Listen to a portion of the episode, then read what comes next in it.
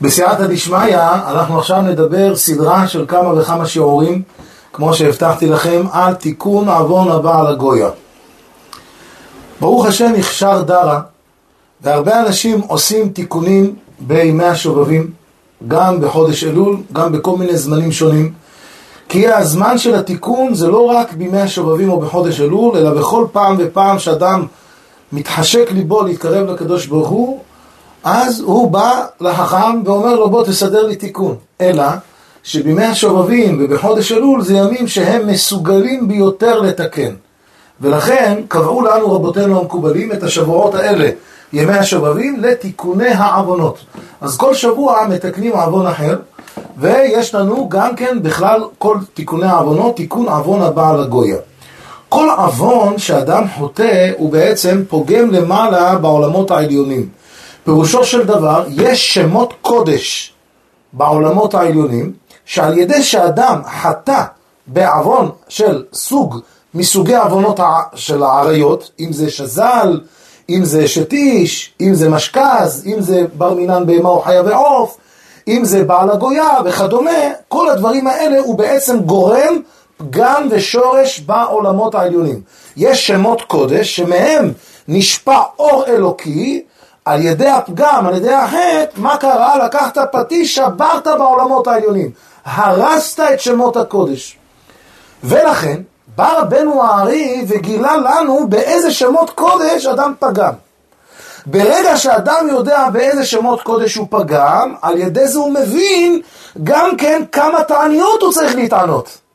כי מספר התענית שרבנו הארי גילה זה חידוש שרבנו הארי גילה שקיבל מפי אליהו הנביא זכור לטוב. על ימיו של רבנו הארי לא ידעו מעניין סוגי התיקונים האלה בצורה הזו. היה תיקוני עוונות, כמו שדיברנו כבר בשנים שעברו כאן, בשיעור הזה באריכות גדולה מאוד, מה ההבדל בין התיקונים של רבותינו הראשונים, של זמן חז"ל, לתיקונים שגילה לנו רבנו הארי, והרמה מפנו, ורבי עמנואל חייריקי, והמקובלים שאחריהם עד הגאון רבנו יוסף חיים והבן איש חי, הגאון רבנו יוסף חיים בעל הבן איש חי והרב הוא דפתיה עליו השלום, ודיברנו מזה באריכות מה ההבדל בין סוגי התיקונים.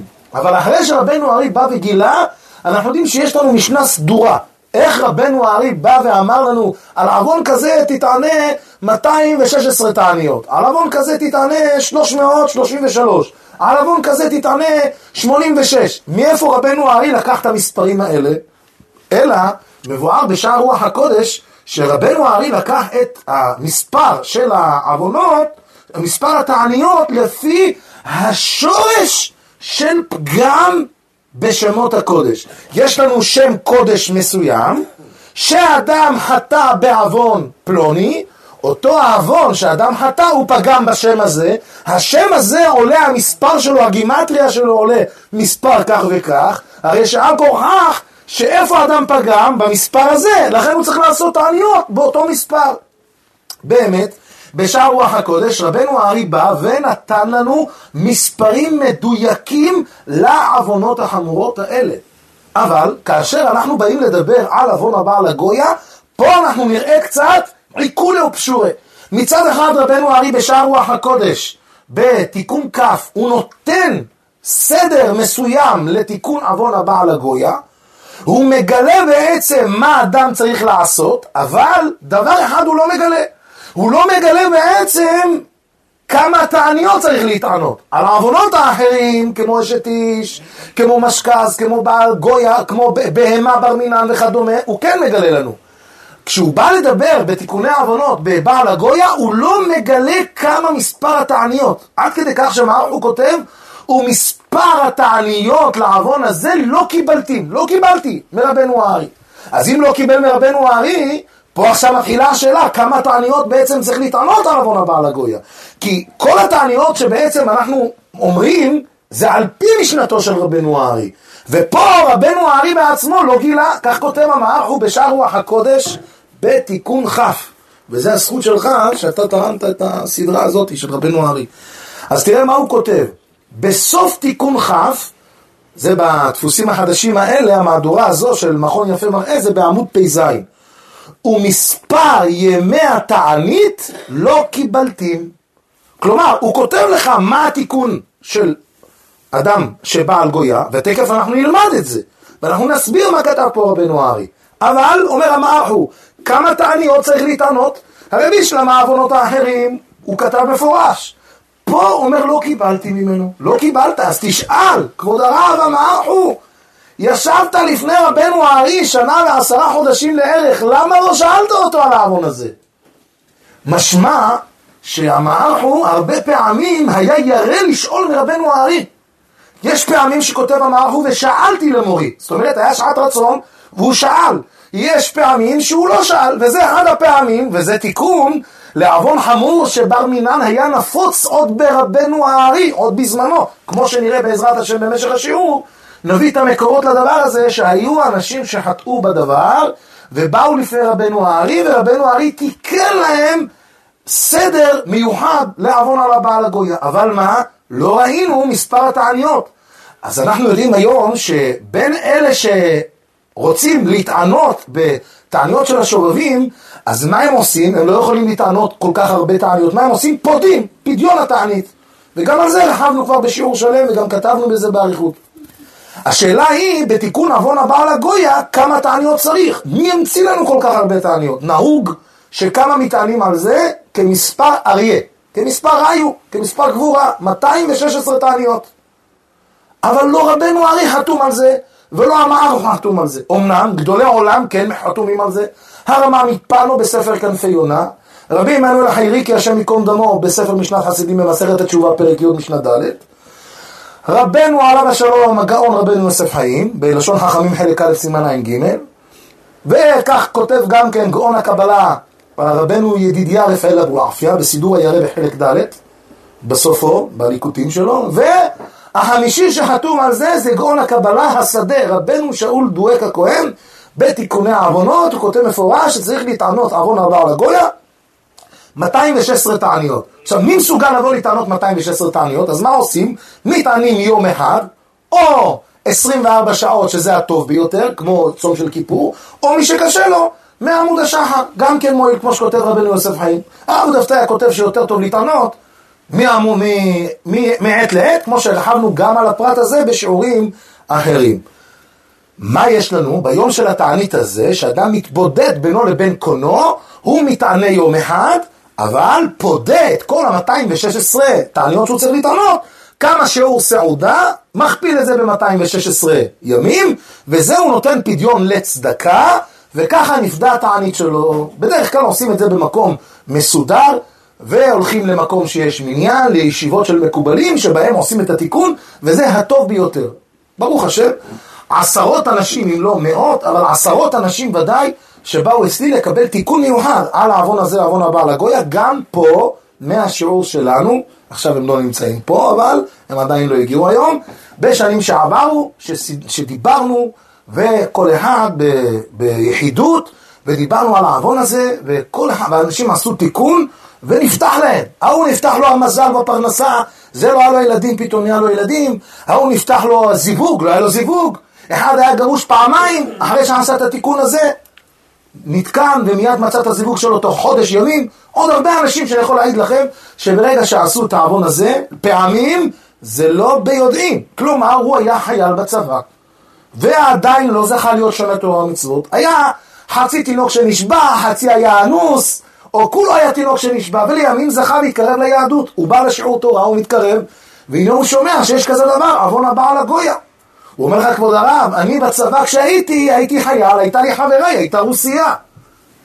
אמנם קראו לה דנה, אבל דנה הרוסיה, גיליתי שאבא שלה היה יהודי ואימא שלה הייתה גויה.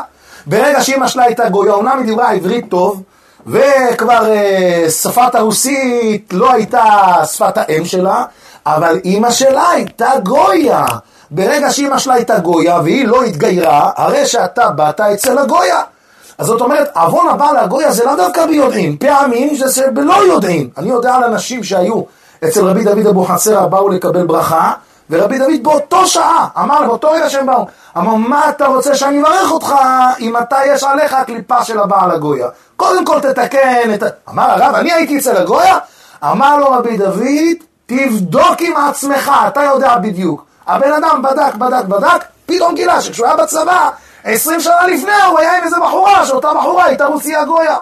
אומר לו הרב, אדוני, יש עליך עדיין את הקליפה הזו, יש עליך קשורה בו ככלב. כל זמן שלא תיקנת, אז עדיין לא פדית את הנפש שלך, כמו שנלמד עכשיו, שהנפש של האדם היא זאת שקשורה בו ככלב. ולכן, אנחנו נלמד היום בעזרת השם בשיעור, מה התיקון של הבעל הגויה.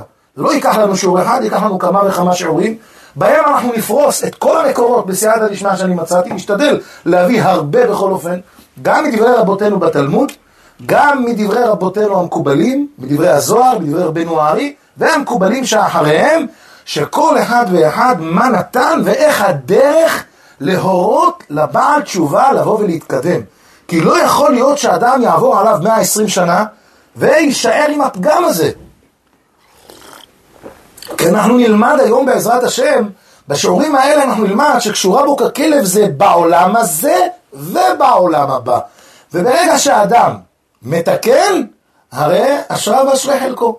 אבל אם חס ושלום הולך, עוזב את העולם הזה אחרי המאה ועשרים שלו, ועולה למעלה לעולם העליון, והפגם הזה נמצא בו, אז השם ישמור, השם יצילנו.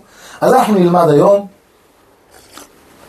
בראש ובראשונה, מה המקורות לדברים האלה, מה העניין שחכמים עשו מזה כזה חמור? יש לנו עוון עריות, למה דווקא עוון הבעל הגויה זה כל כך חמור עד כדי כך שרבותינו אמרו קשורה בו ככלב?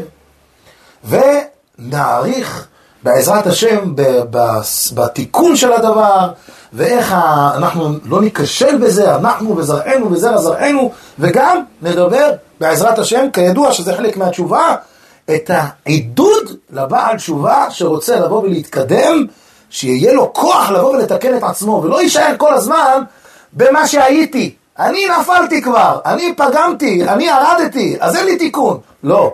גם אם נפלת, גם אם ירדת, גם אם פגמת, דע לך, יש דרך לתשובה. יש דרך של תשובה. וכבר רבותינו בתלמוד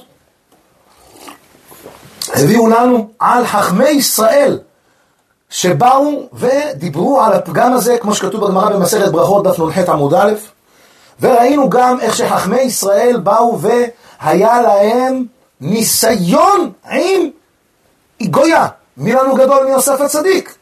זה, זה המקור של כל העוון הזה, המקור שלו בגמרא במסכת סוטה בדף ג' עמוד ב', וגם בגמרא במסכת עבודה זרה בדף ה' עמוד א', גם במדרש תנחומה פרשת וישב סימן ח', כל המקור הזה, מאיפה בא? מיוסף הצדיק. כך כתוב בגמרא בסוטה דף ג' עמוד ב' ועבודה זרה דף עמוד א'. וכך גם ראינו אחר כך בגמרא במסכת קידושין דף ל"ט עמוד ב', דף מ' עמוד א', על שניים מגדולי האמוראים, איך בא גויה לבוא לנסות להכשיל אותם. ככה דומה לזה ראינו גם בגמרא בקידושין, דף פ"א עמוד א', עם גדולי רבותינו התנאים, כמו רבי עקיבא, כמו רבי מאיר. ככה רואים גם בעבוד רבי נתן בפרק ט"ז, על רבי עקיבא, איך ששלחו לו שניים, ההגמון שלח לו שניים שיבוא ויעשה איתם בר מינן.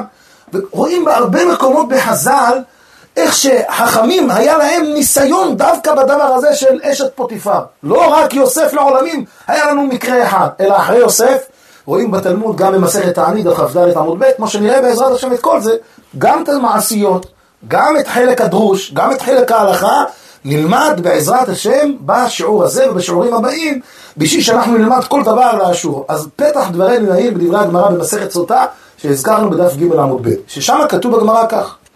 הגמרא אומרת שמה, אם אדם בר מינן בביתו, אשתו חס ושלום זונה אחריו, כלומר היא מזנה תחתיו, הולכת למקומות לא רצויים, מפרטטת בלשון העם עם כל מיני גברים, אותם, האנש, אותם נשים מחריבות את הבית שלהם.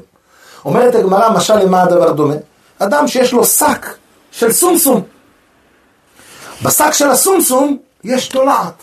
אם יש תולעת אחת מספיק, וכל הסומסום הזה הלך, החרבת לך את כל השק. אומרת הגמרא, אותו דבר בדיוק, גם כן אישה שמזנה תחת בעלה. בר מינן, אישה כזו, החריבה את הבית. אומרת הגמרא, ולא אמרן אלא בדאיתתא. לא אמרנן שמה? שאם יש זנות בבית זה כמו תולעת שיש בתוך השק של הסומסום, דווקא באישה שמזנה תחת בעלה. אבל בגבר שמפרטט ומזנה תחת אשתו, לא אמרנו את הדבר הזה. הוא, פשטו דברי הגמרא, גבר שהולך ורואה בשדות זרים, הוא לא החריב את הבית. אבל אישה שהלכה וראתה בשדות זרים, היא כן החריבה את הבית. זה הפשטות של דברי הגמרא במסכת סוטה בדף ג' עמוד ב'.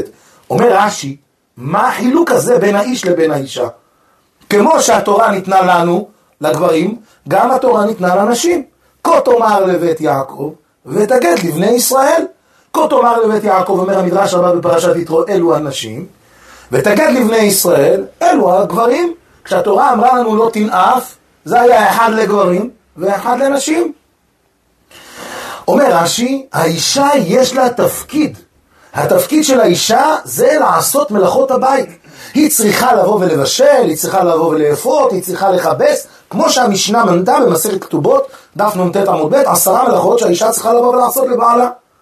ברגע שהאישה הולכת על חשבון הבית, היא הולכת הרי לבתים אחרים, היא הולכת עם מנאפים, הרי שהיא מחריבה את הבית בתרתי. אחד, בא, הבעל מגיע לבית, ואין לא כביסות, ולא ביגוד, ולא גיוץ, ולא תבשילים, ולא שום דבר. שתיים, אומר רש"י, גם אחר כך, אחרי שהיא החריבה לו את הבית בדבר הזה, באים המנאפים ואומרים לה, אנחנו צריכים להביא כסף לבית, כי לא היינו היום, לא הלכנו לעבודה, באנו אצלך. הם מכריחים אותה לבוא ולתת להם כסף, יוצא שהיא גם מכלה את ממון בעלה. אומר רש"י, הרי שאישה שמזנה תחת בעלה, היא מחרימה את הבית. ואני יודע, בסיפורים עשרות ממים, אני לא מגזים בכלל, לא רוצה להגיד מאות חס ושלום, אבל להגיד לכם עשרות בשביל לא לפתוח פה. אבל עשרות אנשים שסיפרו לי, שהנשים בעבודה באו עד השבוע שעבר, שלושה אנשים, שבוע לפני כן עוד כמה, יום חמישי האחרון בתפילה אחרי הנץ, בא אצלי מישהו אמר לי, כבוד הרב, שמעתי את השיעור שלך בדבר פלוני אלמוני, אני רוצה להגיד לך, תראה, עזרת לי בדבר ההוא, אני לא מכיר אותו. הוא אומר לי, תראה, אבל בדבר הזה עדיין יש לי ניסיון. מה הניסיון? הוא נמצא במכון כושר. מכון כושר הוא נמצא. נו, אמר לי, אבל מה נעשה הרב? כל יום בצהריים פלונית אלמונית, אישה מסוימת, כן, אני לא מכיר אותה, אומר, היא, היא מתחילה איתו כבר כמה חודשים, הרב, אני רגע לפני הנפילה. והוא בן 35, והיא בת 47, הוא אומר לי, כבוד הרב, אלף נשים תן לי בשוק, היא עוקפת, עוקפת אותם. אה, אז לנשות 47 עוד יש סיכוי. אתה מבין? והוא בוכה, זה היה אחרי עלינו לשבח, הוא תפס אותי. מה זה בוכה? אני אומר לכם כמו תינוק, אומר, אני רוצה תיקון, אני רוצה לא להיכשל. אמרתי לו, התיקון הראשון זה שלא תלך לשם. ולמה אתה הולך לכזה מקום? מה, אין מכון כושר לאנשים דתיים שנמצאים שם רק גברים בשעות מסוימות, רק נשים בשעות מסוימות? אומר לי הרב, זה נשאר לי מהחילוניות עדיין. הוא בעל תשובה, הוא הולך עם כיפה, הוא משתדל כל יום להתפלל בנץ, עם טלית, עם תפילין, הוא לא עוד איזה אחד. אלא מה? עדיין לא נשוי, עדיין לא בא לו הזיווג שלו. אתה מבין? אבל זה מעשים שבכל יום. והוא אומר לי מפורש, הרב לא חסר לי כלום. אבל מה אני אגיד לך? היא משכנעת אותי, מפתה אותי בכסף מלא, ואני אומר לכם, עשרות אנשים סיפרו לי את הדבר הזה. שלא שהם באו והלכו, ואנחנו עוד נדבר, עוד ניגע באותן נשים שמפתות את בעליהם, שמפתות אחרים, השם ישמור, השם יצילנו, שעונשם קשה פי כמה וכמה. אישה שמפתה זה הל"י, ל"י, ת', נמצאת איתה אותה פלונית, והיא בר מינן לא עוזבת אותה, לא בעולם הזה ולא בעולם הבא. בואו נדבר ונייחד בעזרת השם פרק שלם בסדרה הזו על אותה אישה שהיא נבעלת לגוי. היום בשיעור אנחנו מדברים על גבר יהודי שבא אצל הגויה, אבל אחרי שאנחנו נגמור איתו, אנחנו נתחיל גם כן עם האישה. בכל אופן, תדעו שהדברים האלה לא פשוטים, כי באמת יש נשים שיש להן תאווה מרובה. והגמרא בעצמה אומרת, רוצה אישה בקו ותפלות מתשעה קבין, אבל לא כל האצבעות שוות, לא כל הנשים אותו דבר, ולא כל האנשים אותו דבר. כל אדם, הוא יש לו יצר אחר, כל אדם יש לו אה, אה, סוג אחר של יצר הרע. ויש נשים שתאוותן מרובה, וברגע שתאוותן מרובה, הם באים ורוצים לבוא ולהפיל את האנשים במכשול. מים גנובים ימתקו. ואמר לי בן אדם, לא פעם ולא פעמיים, הוא אומר, והוא כותב לה, כותב לה, הוא אומר לה, אבל את נשואה. הוא אומר לה, אז, אז היא כותבת לו, אז מה יש? ואיזה עשרים סימן שאלה. הוא אומר, הוא אומר לה, אבל אצלי זה קו אדום. אז היא כותבת לו, יאללה, כאילו מה אתה עכשיו עוד איזה אחד? אתה מבין? זה בר מינן, ויצר הרע מפעפע. וברוך השם, השם עזר לי, אחרי שאני דיברתי איתו, מיד אחרי התפילה, אפילו שהייתי עמוס בזמן, דיברתי איתו, אמרתי לו, תראה, אחרי שאתה מבטיח גם לא ללכת לשם, בשעות האלה קודם כל, איך אומרים, אחד אחד. דבר שני, אמרתי לו, אתה עכשיו, ברגע לידי, אתה מוציא אותה, שהיא לא תוכל בסטטוס, בזה, לא יודע איך קוראים לזה, כי הם כל יום מדברים בוואטסאפים. אמרתי לו, קודם כל, את הארור הזה תוציא. היה לו קשה. אמר לי, הרב, מה? אמרתי לו, לכבוד השם, אני אומר איתו, לשם יחוד, שבריחו, שכינתה, בדחילו, אמרתי לו, לפני כל התיקונים שאתה רוצה, בוא נעשה את התיקון הראשון, שלא תיפול. ולידי, בא והוריד את זה. אמרתי לו, עכשיו מה? אתה חסמת אותה. עכשיו, היא לא, תקשר, לא אליך, אבל אתה יכול להתקשר אליה, אז גם תבטל גם את זה. זה לא שמחר מחרתיים הוא לא יודע את השם שלה והוא לא יכול לתפוס אותה, אבל ברגע שאתה עושה מעשה ואתה מוריד, אז הקדוש ברוך הוא רואה שאתה רוצה להתאמץ, ואתה מוכן לבוא ולהוריד את הקלי הזה מעליך, כי זה יצר הרע, העוון הזה של האריות, חמור מאוד מאוד מאוד. הקדוש ברוך הוא, איך אמר נבוכדנצר? אלוהיהם של אלו שונא זימה. נבוכדנצר הרשע יודע, הוא הפגמן הגדול, כמו שכתוב בגמרא בסוף מסרת שבת, בדף קמ"ט עמוד ב' למטה, הוא עצמו אומר, אלוהים של אלו שונא זימה. נבוכדנצר אומר ככה, בלעם אומר ככה, אתה מבין? המן אומר ככה, כל גדולי האומה של אומות העולם יודעים שהקדוש ברוך הוא שונא זימה. והם דווקא רוצים לבוא ולהכשיל את עם ישראל דווקא בדבר הזה. כי העם קדוש אתה להשם אלוהיך, אומר הזוהר בפרשת ואתחנן דף רס"ו עמוד א', ונלמד אותו בעזרת השם בהמשך, שההבדל בין אישה יהודייה לבין אישה גויה שמיים וארץ. אישה יהודייה נקראת באר, אישה גויה נקראת בור. בסוד הפסוק לחצוב להם בורות בורות נשברים. אומר הזוהר הקדוש, אדם שהולך וחוטא גויה, הוא נופל בתוך הבור. למה יוסף הצדיק, אומר רבנו הארי, למה הוא היה צריך לבוא ולהיות בתוך הבור עשר שנים? כי למאן דאמר, בסוטה דף ל"ו עמוד ב', מלאכתו ממש נעשית. אז אם הוא בא לעשות מלאכתו, אף על פי שלא חטא ולא פגם, על זה נקרא יוסף הצדיק. אומר רבנו הארי, נפל לו עשר טיפות, לא מאותו מקום. מקום אחד כתוב מידיו, מקום אחד כתוב מרגליו, אבל לא מאותו מקום של היסוד. עצם זה שיצא ממנו טיפות קודש, היה צריך לבוא ולתקן בתרתי. אחד, עשר שנים עינו בכבל רגלו, ברזל בעל נפשו, כך כותב רבנו ארי בשער רוח הקודש בתיקון כ'. ודבר שני, אומר רבנו ארי בשער מאמרי רז"ל, היה צריך לבוא ולתקן בעשרה הרוגי מלכות. זאת אומרת, תראה, בשביל פגם אחד קל, שאפילו לא היה מאותו מקום, תראה כמה תיקון היה צריך לעשות. על אחת כמה וכמה, אם זה באותו מקום, כל שכן אם זה היה יותר מפעם אחת, כל שכן אם זה היה בתאווה גדולה, כל שכן אם זה היה מתוך רצון, כל שכן אם זה היה מתוך ידיעה שזה אסור, אם אדם יודע שהאיסור הזה אסור, גם אם הוא לא יודע שמתגלגל בכלב אחר כך, גם אם הוא לא יודע שמתגלגל אחר כך בקדשה יהודית. מור כדאית לא מור כדאית כמו שנראה בעזרת השם בהמשך השיעור. גם אם אדם לא יודע את כל הסיפור הזה, עצם זה שאתה יודע שהדבר הזה אסור, ואתה באת לדבר הזה, פגמת בדבר הזה, ככל כפי ידיעת האדם ברמת האיסור, ככה הוא צריך יותר לתקן. כלומר, כפי חומרת העוון, כך גודל התשובה. אז רש"י כותב, נחזור לגמרא בסוטה דף ג' עמוד ב', שרש"י כותב, שלמה אם האישה, היא באה וזינתה תחת בעלה, היא מחריבה את הבית? הרי הגמרא במגילה אומרת, שמה בדף י"ב עמוד א' למטה, שאי הוא בקרא, אי בבוצינה. מלמד, אומרת הגמרא, שאחשורוש ושתי, שניהם נתכוונו לדבר עבירה. מה נראה לכם? אחשורוש לא מכיר מי זאת ושתי? מה הוא אומר לאשתו? בואי איך שאת נולדת. אה, כי יום יוולדך. אומרת הגמרא מפורש במגילה בדף י"ב. הוא יודע שזה הרצון האמיתי שלה. אם הוא לא יודע שזה הרצון שלה, הוא לא יבוא ויכשיל סתם את דיבורו. אלא מה? בא מלאך, גבריאל, עשה לה זנב, עשה לה קרן. מבין? סיפורים. כמו שהגמרא שם מביאה, כמה, מה, מה היה בדיוק.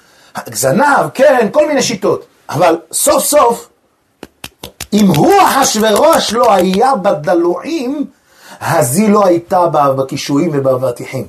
אבל בגלל שהיא יודעת שאחשורוש, איפה הראש שלו נמצא? גם היא איפה הלכה? הלכה למקום אחר. אישה בדרך כלל הולכת ורואה בשדות זרים, כאשר הגבר שלה רואה בשדות זרים. אם הגבר לא היה הולך ומסתכל במקומות לא טובים, האישה גם כן לא הייתה הולכת מסתכלת במקומות לא טובים. לפעמים יש גם כן שלא כסדר. יש, יש גם כאלה דברים.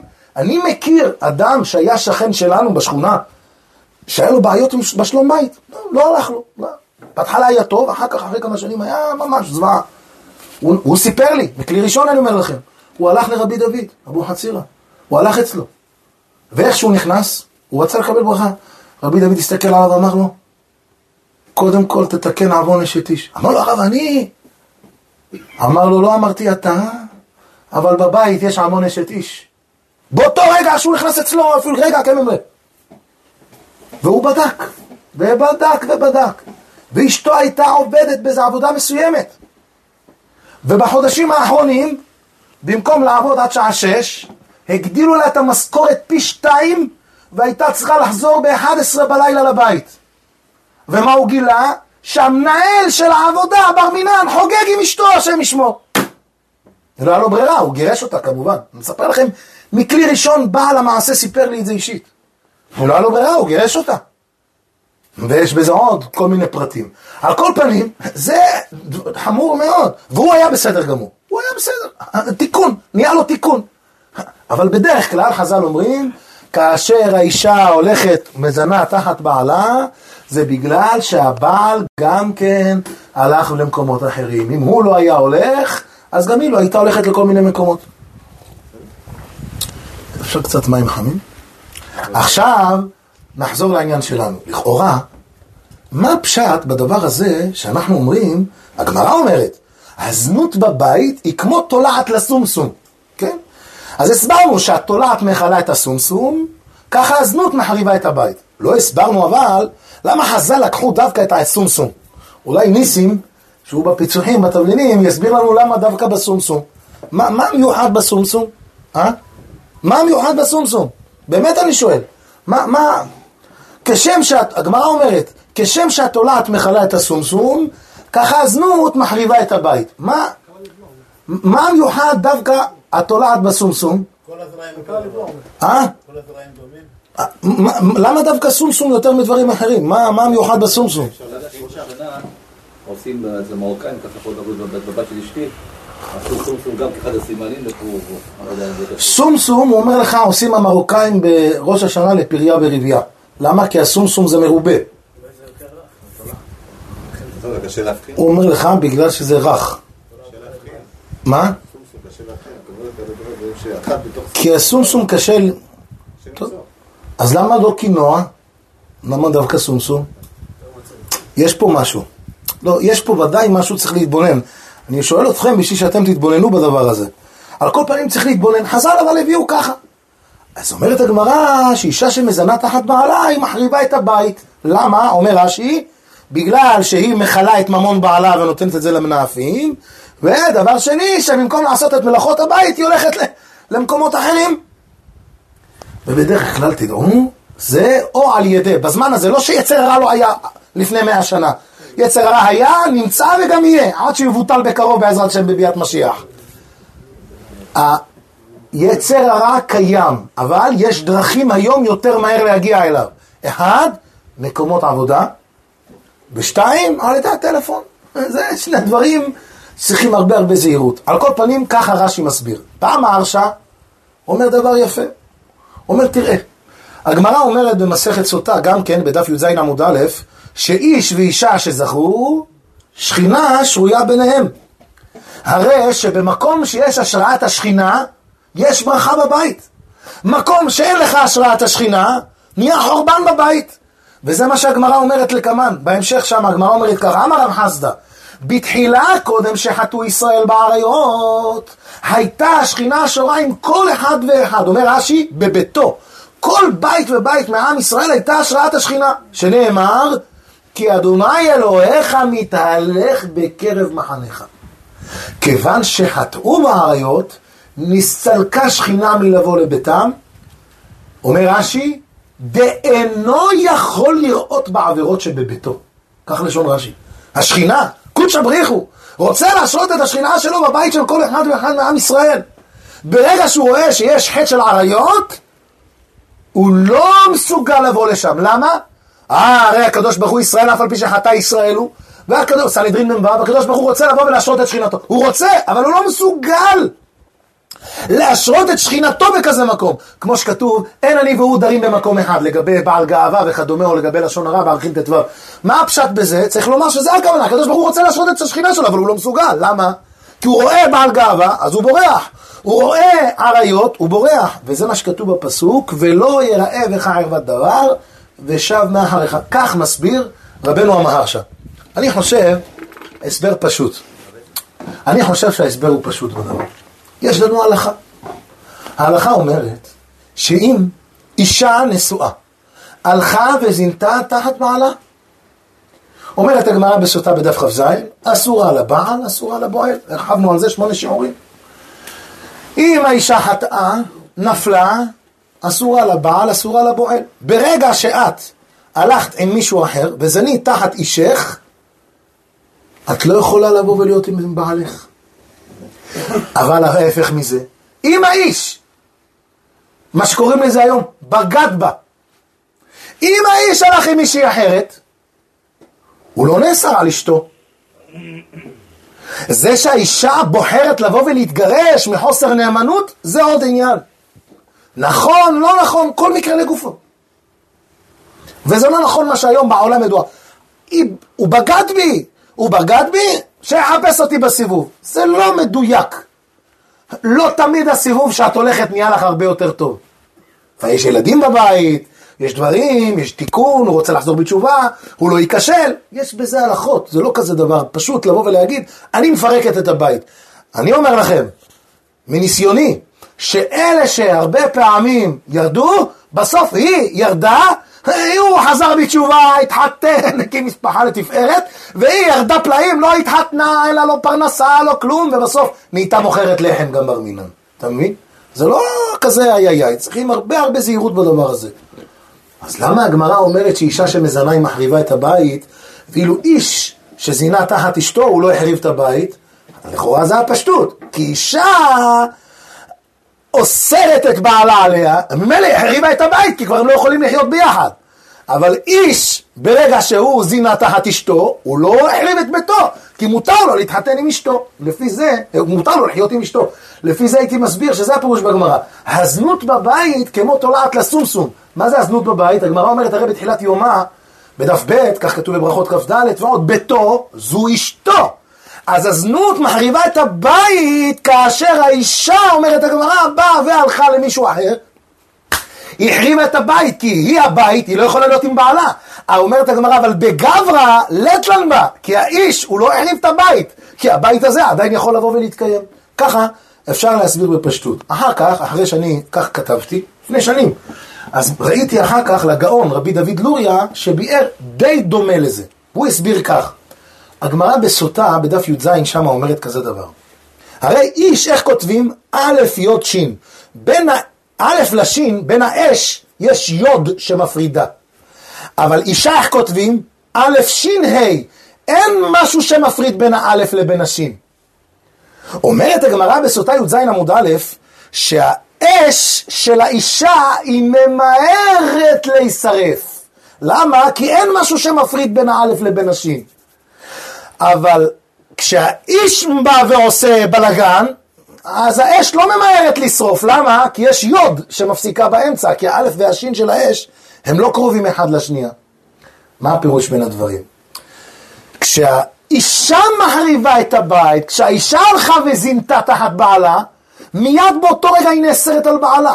עכשיו, היא לא אומרת עכשיו לבעלה, היא מכשילה את בעלה באיסור. הרי שמה היא עושה? היא מחריבה את הבית. פירושו של דבר, היא נותנת לא רק לעצמה, אלא לבעלה, שיהיה בו פגם, שהוא יישרף על ידי העוון שנשמתו תיכלה, והנשמה שלו נשרפת בגלל העוון החמור הזה. לכן האש היא ממהרת אצל האישה, וזה הטעם שכתוב שהאישה היא כן מחריבה את הבית.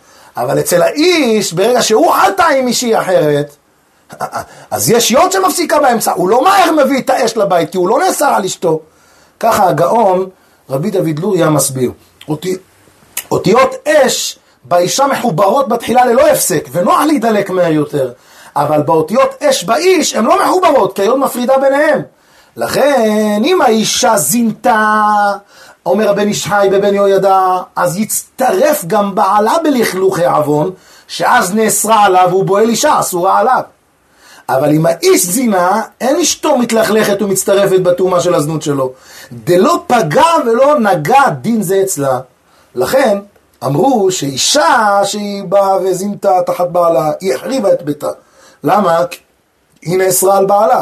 אבל באיש זה לא נאמר. לא שעכשיו הגמרא פה נתנה לגיטימציה לאיש לבוא ולראות בשדות זרים וללכת לעשות כביש עוקף יריחו. לא, זה לא הכוונה בגמרא. הגמרא באה להגיד רק שהעוון וה, והתוצאה, התוצאה שאישה מפילה על הבית שלה כאשר היא ראתה בשדות זרים, זה לא כמו המתת ה... ותוצאת העוון שכאשר האיש בא והלך וראה בשדות זרים.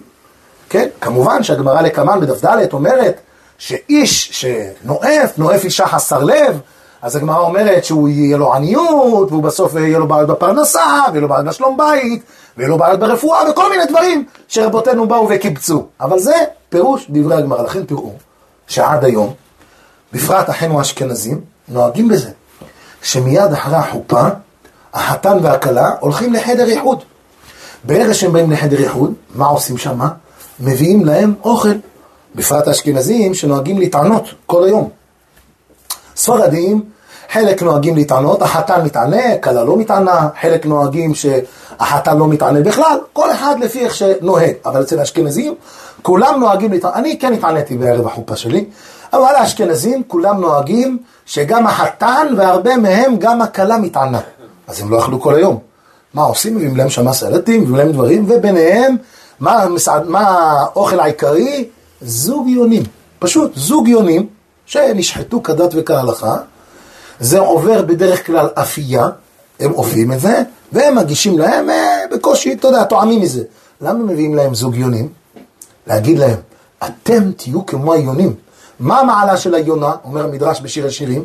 שהיונה היא תמיד נאמנת ליון שלה. הנקבה ביונה תמיד היא נאמנת לזכר שלה. לעולם היא לא תבגוד בו, גם אם הוא הלך מרחקים ונסע למדינות והלך למקומות רחוקים, היא תמיד תישאר נאמנה לבעלה. אז אומרים לזוג, אתם עכשיו בסעודת הנישואים שהתחתנתם, אתם תאכלו זוג יונים. למה? להראות לך יון ויונה, מביאים זכר ונקבה. להראות להם שאתם תהיו כמו, לא רק סעודת יתרו של האלג'ירים והטוניסאים והג'רבאים שאוכלים שם יונים. אומרים זה כל זוג וזוג, אומרים להם תאכלו יונים, לרמוז להם תהיו נאמנים כמו היונה. כמו שהיונה נאמנת כלפי בעלה. לכן עם ישראל, הגמרא אומרת במסכת שבת, בדף מ"ט עמוד א', שבת דף קל', גיטין מ"ה, ברכות נ"ג, הגמרא אומרת שכנסת ישראל נמשלה ליונה. אחד הטעמים למה כנסת ישראל נמשלה ליונה, כי העם ישראל נאמן כלפי הקדוש ברוך הוא. מי ששמע את הסדרה שלנו, 12 שיעורים שעשינו על קידוש השם, דיברנו על הנקודה הזו, שהמדרש מביא שהעם ישראל נאמנים לקדוש ברוך הוא כמו יונה, כמו יונה שהיא נשחטת ופושטת את צווארה כאשר היא באה לבוא אצל, כשהיא לא מתנגדת כשאתה בא לשחוט אותה, אומר אותו דבר גם כן, עם ישראל באים ומוסרים את נפשם לקדוש ברוך הוא. זה מובן למה מביאים זוגיונים. ממשיכה הגמרא ואומרת על הסוגיה שלנו, שמה בסוטה דף ג' עמוד ב', ועבודה זרה דפי עמוד א'. כל העובר עבירה אחת בעולם הזה מלפפה אותו והולכת לפניו ליום הדין. איזה עבירה? חז"ל לא ביארו, פשטו דברי הגמרא, כל עבירה. יש שפירשו שעבירה, סתם עבירה, שגמרא אומרת עבירה, הכוונה ענייני עריות, ענייני ניאוף. כמו שכתוב, סתם מצווה של חז"ל, זה צדקה. אז אותו דבר, על אותו משקל, סתם מקום שחז"ל עברו עבירה, הכוונה לענייני עריות. שנאמר, ילפתו אורחות דרכם, יעלו בתוהו ויאבדו. פירושו של דבר, אומרת הגמרא, הרשעים שעשו עבירה ולא תיקנו את דרכם, אז העבירות שהם עשו יהיו כרוכים בדרך הרעה שהם עשו, וככה יעלו לגיהנם ויאבדו. זה דברי הגמרא שמה. בא רבי אלעזר ואומר, קשורה בו ככלב, אתה אמרת מקודם שאדם שעובר עבירה אחת בעולם הזה, אותה עבירה מה היא מלפפתו והולכת לפניו ליום הדין, לעולם הבא, ליום הדין, היא הולכת איתו למעלה. אומר, דע לך, לא רק שהיא מלפפתו והולכת לפניו ליום הדין, כלומר, מה זה הולכת לפניו? אה? יש לבן אדם, יש לו שומר ראש. אתה מבין? מה השומר ראש שלו? במקום והלך לפניך צדקך, במקום שהצדקות שהוא עשה, והמעשים הטובים שהוא עשה, אם חס ושלום עשה עבירה ולא תיקן, מה הולך לפניו? מה מקבל אותו? מה השומר ראש שלו? בר מינן, זה העבירות שהוא עשה. אומרת הגמרא, ולא סתם, אומר רבי אלעזר, קשורה בו ככלב. אדם שעושה עבירה ולא תיקן את מעשיו, אומר רבי אלעזר, אותה עבירה הולכת איתו לא רק בעולם הזה, אלא גם לעולם הבא. מאיפה למדנו את זה? אבוהון דכולו. מהניסיון של אשת פוטיפר, של יוסף הצדיק עם אשת פוטיפר. אשת פוטיפר באה לנסות אותו. והגמרא פעמיים מדברת על זה, גם ביומא דף ל"ה עמוד ב', גם בסוטה דף ל"ו עמוד ב'. וגם במדרש, גם במדרש רבה בסימן פ"ו, פ"ז במדרש רבה, גם במדרש תנחומה בפרשת וישב, שרבותינו העריכו להסביר כמה סוגי פיתויים היא ניסתה לפתות אותו. אם זה בדיבור, אם זה במלבושים, אם זה בתוך השנה שהוא היה אצלו בביתה, אם שהוא היה אצלה, אם זה אחר כך עוד 12 שנה, כך כותב תנחומה וישב, 12 שנה שיוסף היה בבור, גם לשם כל יום הייתה באה אצלו. לכן מה כתוב? ויהי כדברה אליו יום יום, לא עזבה אותו, כל יום היא באה אצלו, כל יום, אין יום שהיא לא באה אצלו. ואומרת לו, היום אני יכולה להוציא אותך מבית הסוהר, היום אני יכולה שאתה תהיה מושל על הכל. והוא אומר, אני לא אבגוד בקדוש ברוך הוא. אומרת לו, תשמע, אני אקח אה, אה, כבל, אני אשים לך פה בצוואר, ואז אתה תהיה מוכרח לבוא ולהרים את העיניים. אין לך ברירה. אמר לה, השם זוקף כפופים, השם אה, פוקח עברים, תנקר לי את העיניים, השם פוקח עברים. כל מה שהיא אומרת לו, הוא אומר לה, הכל הוויה. לכן כתוב, כל אשר יוסף אשר עושה, השם מצליח בידו, כי תמיד שם שמיים היה שגור בפיו. אי אפשר להבין איזה ניסיון היה לו עד כדי כך שהמדרש רבה כותב שפעם אחת הייתה איזה גויה חשובה, מטרונה, מטרונה כאילו איזה שרה, כמו נגיד מלכת אנגליה, איזה אליזבת אחת ככה, משהו, אישה חשובה, מטרונה. היא באה ורבי יוסי, רבי יוסי, זה רבי יוסי בן חלפתא, היה גדול. אז היא באה אצלו, אומרת לו, תגיד לי, איך יכול להיות שהתורה תבוא ותספר על יוסף הצדיק, בחור בן 17, שלא נפל עם אשת פוטיפר? הרי מה היה אותו היום? למאן דאמר אותו היום יום נילוס היה. היה להם פעם בשנה שהם הולכים כולם לעבוד עבודה זרה את הנילוס. אבל יוסף לא הלך, לא הולך לעבוד עבודה זרה. והיא אומרת הגמרא, מה עשתה? הרי כולם הלכו, למה שהיא לא תלך? הרי יש את פוטיפר. שיחקה אותה חולה. אה, אמרו לה, קחי נורופן. לא עוזר לה נורופן, לא אקמולי, לא נובימול, לא עוזר לה שום דבר. אה, שוכבת במיטה, 40 מעלות חום. טוב, אין לה ברירה. אז היא נשארה בבית. כך מדרש כותב. אחד אומר יום גינוסי היה, היה יום הולדת. כל כמה דעות במדרש, מה היה אותו היום, למה באמת היא נשארה ויוסף הצדיק נשאר בבית ולא הלך גם כן עם כולם לחגיגות. מנדאמר אומר שם מדרש, כותב מדרש רבה, אותו היום היה יום, יום אה, קרבות, יש יום של קרבות, יום אירוויזיון, איך קוראים לזה? אה, משחקים, אה, אולימפיאדה. יש לך איזה משחק גדול, כולם באים למשחק. חצי הגמר, או חלוקת הגביעים, אז כולם הולכים, אתה מבין? לוקחים מטוסים, נוסעים עד הונולולו. הוא לא הלך, הוא נשאר בבית, וככה, והיא שיחקה אותה חולה. ככה שלוש דעות במדרש, מה היה בדיוק אותו היום, למה באמת הוא לא יצא. על כל פנים, אומרת, אומר המדרש, ככה היה יוסף הצדיק נשאר. והיא מה עושה? ותתפסהו בבגדו. הולכת, מנסה להכשיל אותו כי היא יודעת.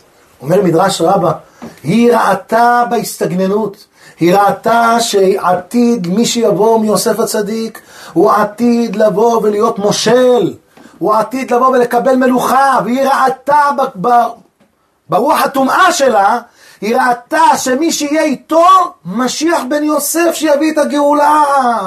אשת פוטיפר אמרה, אני רוצה שהגזוליכה הזאת רצתה שהגאולה תבוא ממנה. אבל מה, לא ידעה שלה אין סיכוי אלא ביתה, לא ביתה אמיתית, אלא ביתה החורגת, אסנת, שהיא הייתה בת של דינה. אבל קראו לה אסנת בת פוטיפרה, למה? כי המגדל יתום בתוך ביתו, מעלה עליו הכתוב כאילו ילדו, אז לכן היא באה ונחשב כאילו היא ביתה. ובאמת, אסנת באה והתחתנה עם יוסף הצדיק, כמו שכתוב פרקי דרבי אליעזר ועוד. איך היה כל הסיפור עם מטס של זהב, שיעקב אבינו בא וכתב לה, וכולי. על כל פנים, בא אומר המדרש, יוסף הצדיק עמד בכל הפיתויים, בכל הניסיונות. בגדים של לבשה לו בבוקר, לא לבשה לו בצהריים, בגדים של לבשה בצהריים, לא לבשה בערב. זה פלא! אומר המדרש, באה אותה מטרונה ואמרה לרבי יוסי, תגיד, מה התורה שלכם, חס ושלום, מספרת סיפורי סבתות? איך יכול להיות? בחור בן 17, כל התוקף שלו, לא סתם חז"ל אמרו, בן 18 לחופה, תעשה בהיתר ולא תעשה באיסור, תשמור על הקדושה ולא תגיע לידי שאול תחתית. חז"ל ידעו, מה הנפש שלנו? באה אותה, אותה מתונה ואומרת, איך יכול להיות שיוסף הצדיק בא ושמר על עצמו? שמה, כך אומר המדרש, שמה אמרה אותו מטרונה, באמת יוסף חתיימה, אלא מה התורה הסתירה? אמר לה רבי יוסף, אמר לה חס ושלום, בואי תביא את ספר התורה. פתח לה פרשת וישב, פתח לה פרשת ויצא, פותח לה, אומר לה, הנה תראי, מעשה של בלהה עם ראובן, תורה לא, לא הסתירה, תורה כתבה. מעשה של יהודה עם תמר, תורה לא הסתירה, כתבה. ומה אלה שהיו תחת אביהם? בכל זאת התורה לא הסתירה, אף על פי שעבודו מזה ביזיון לאביהם. תורה כתבה. כאן אתה רואה שהתורה לא מסתירה שום דבר, ועל כורחך שכשהתורה באה ואמרה שיוסף הצדיק בא והיה נקי, אף על פי שהיה לבדו, אף על פי שאחיו שנאו אותו, אף על פי שהיה יתום מאמו, אף על פי שאביו לא נמצא שמה, ובכל זאת באה התורה וכתבה, אמרה על כוכך תראי שהתורה שלנו תורת אמת כתיבה, כך מדרש רבא כותב, זה פלא. אז אומר, אומרת הגמרא, רבי אלעזר אומר, אדם שעשה עבירה ולא תיקן את מעשיו, אותה עבירה הולכת איתו לא רק לעולם הזה, אלא גם לעולם הבא. שימו לב מה כתוב פה. לא רק לעולם הזה, אלא גם לעולם הבא. זאת אומרת, בעולם הזה היא הולכת איתו לכל מקום. השם ישמור, השם יציב. עוד לא דיברנו על העולם הבא. העולם הבא עוד רגע נדבר, אבל עוד לפני העולם הבא. בעולם הזה, וזה רבנו הרי כותב מפורש, שאדם פעמים שהוא הולך לישון, הולך לישון בכלל. ובשעת השינה שלו, אומר רבנו הארי, מתעבר בו נפש של חיה או בהמה טמאה, השם ישמור.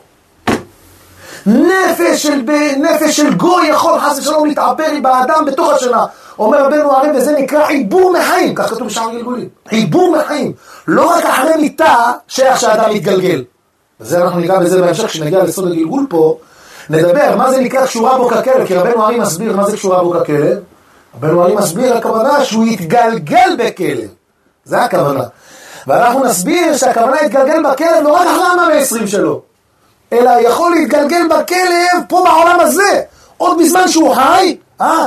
יש איזה כלב, לא רק הכלב מעפולה, אתה מבין? יש כל מיני כלבים, השם ישמור. לפעמים זה כלב כלב, לפעמים זה איזה שכן שנהיה בבחינת כלב, רודף אחריך, אתה רק בא להוציא מרפסת, טק, אתה רק בא לעשות, לצבוע, ישר טלפון לעירייה. כל מה שאתה מנסה לעשות, לא מצליח. דע לך, יש לך פה עוון שקשורה בו ככלב, ברגע שאתה תתקן, ברגע שאתה תסיר, לא יהיה לך את הבחינה הזו של קשורה בו ככלב.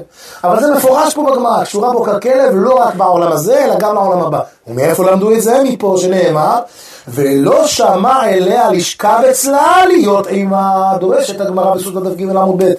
ועבודה זרה דפי עמוד א', ומדרש רבה וישב פ"ז, ומדרש תנחומה וישב ח'. אומרת הגמרא, לשכב אצלה בעולם הזה.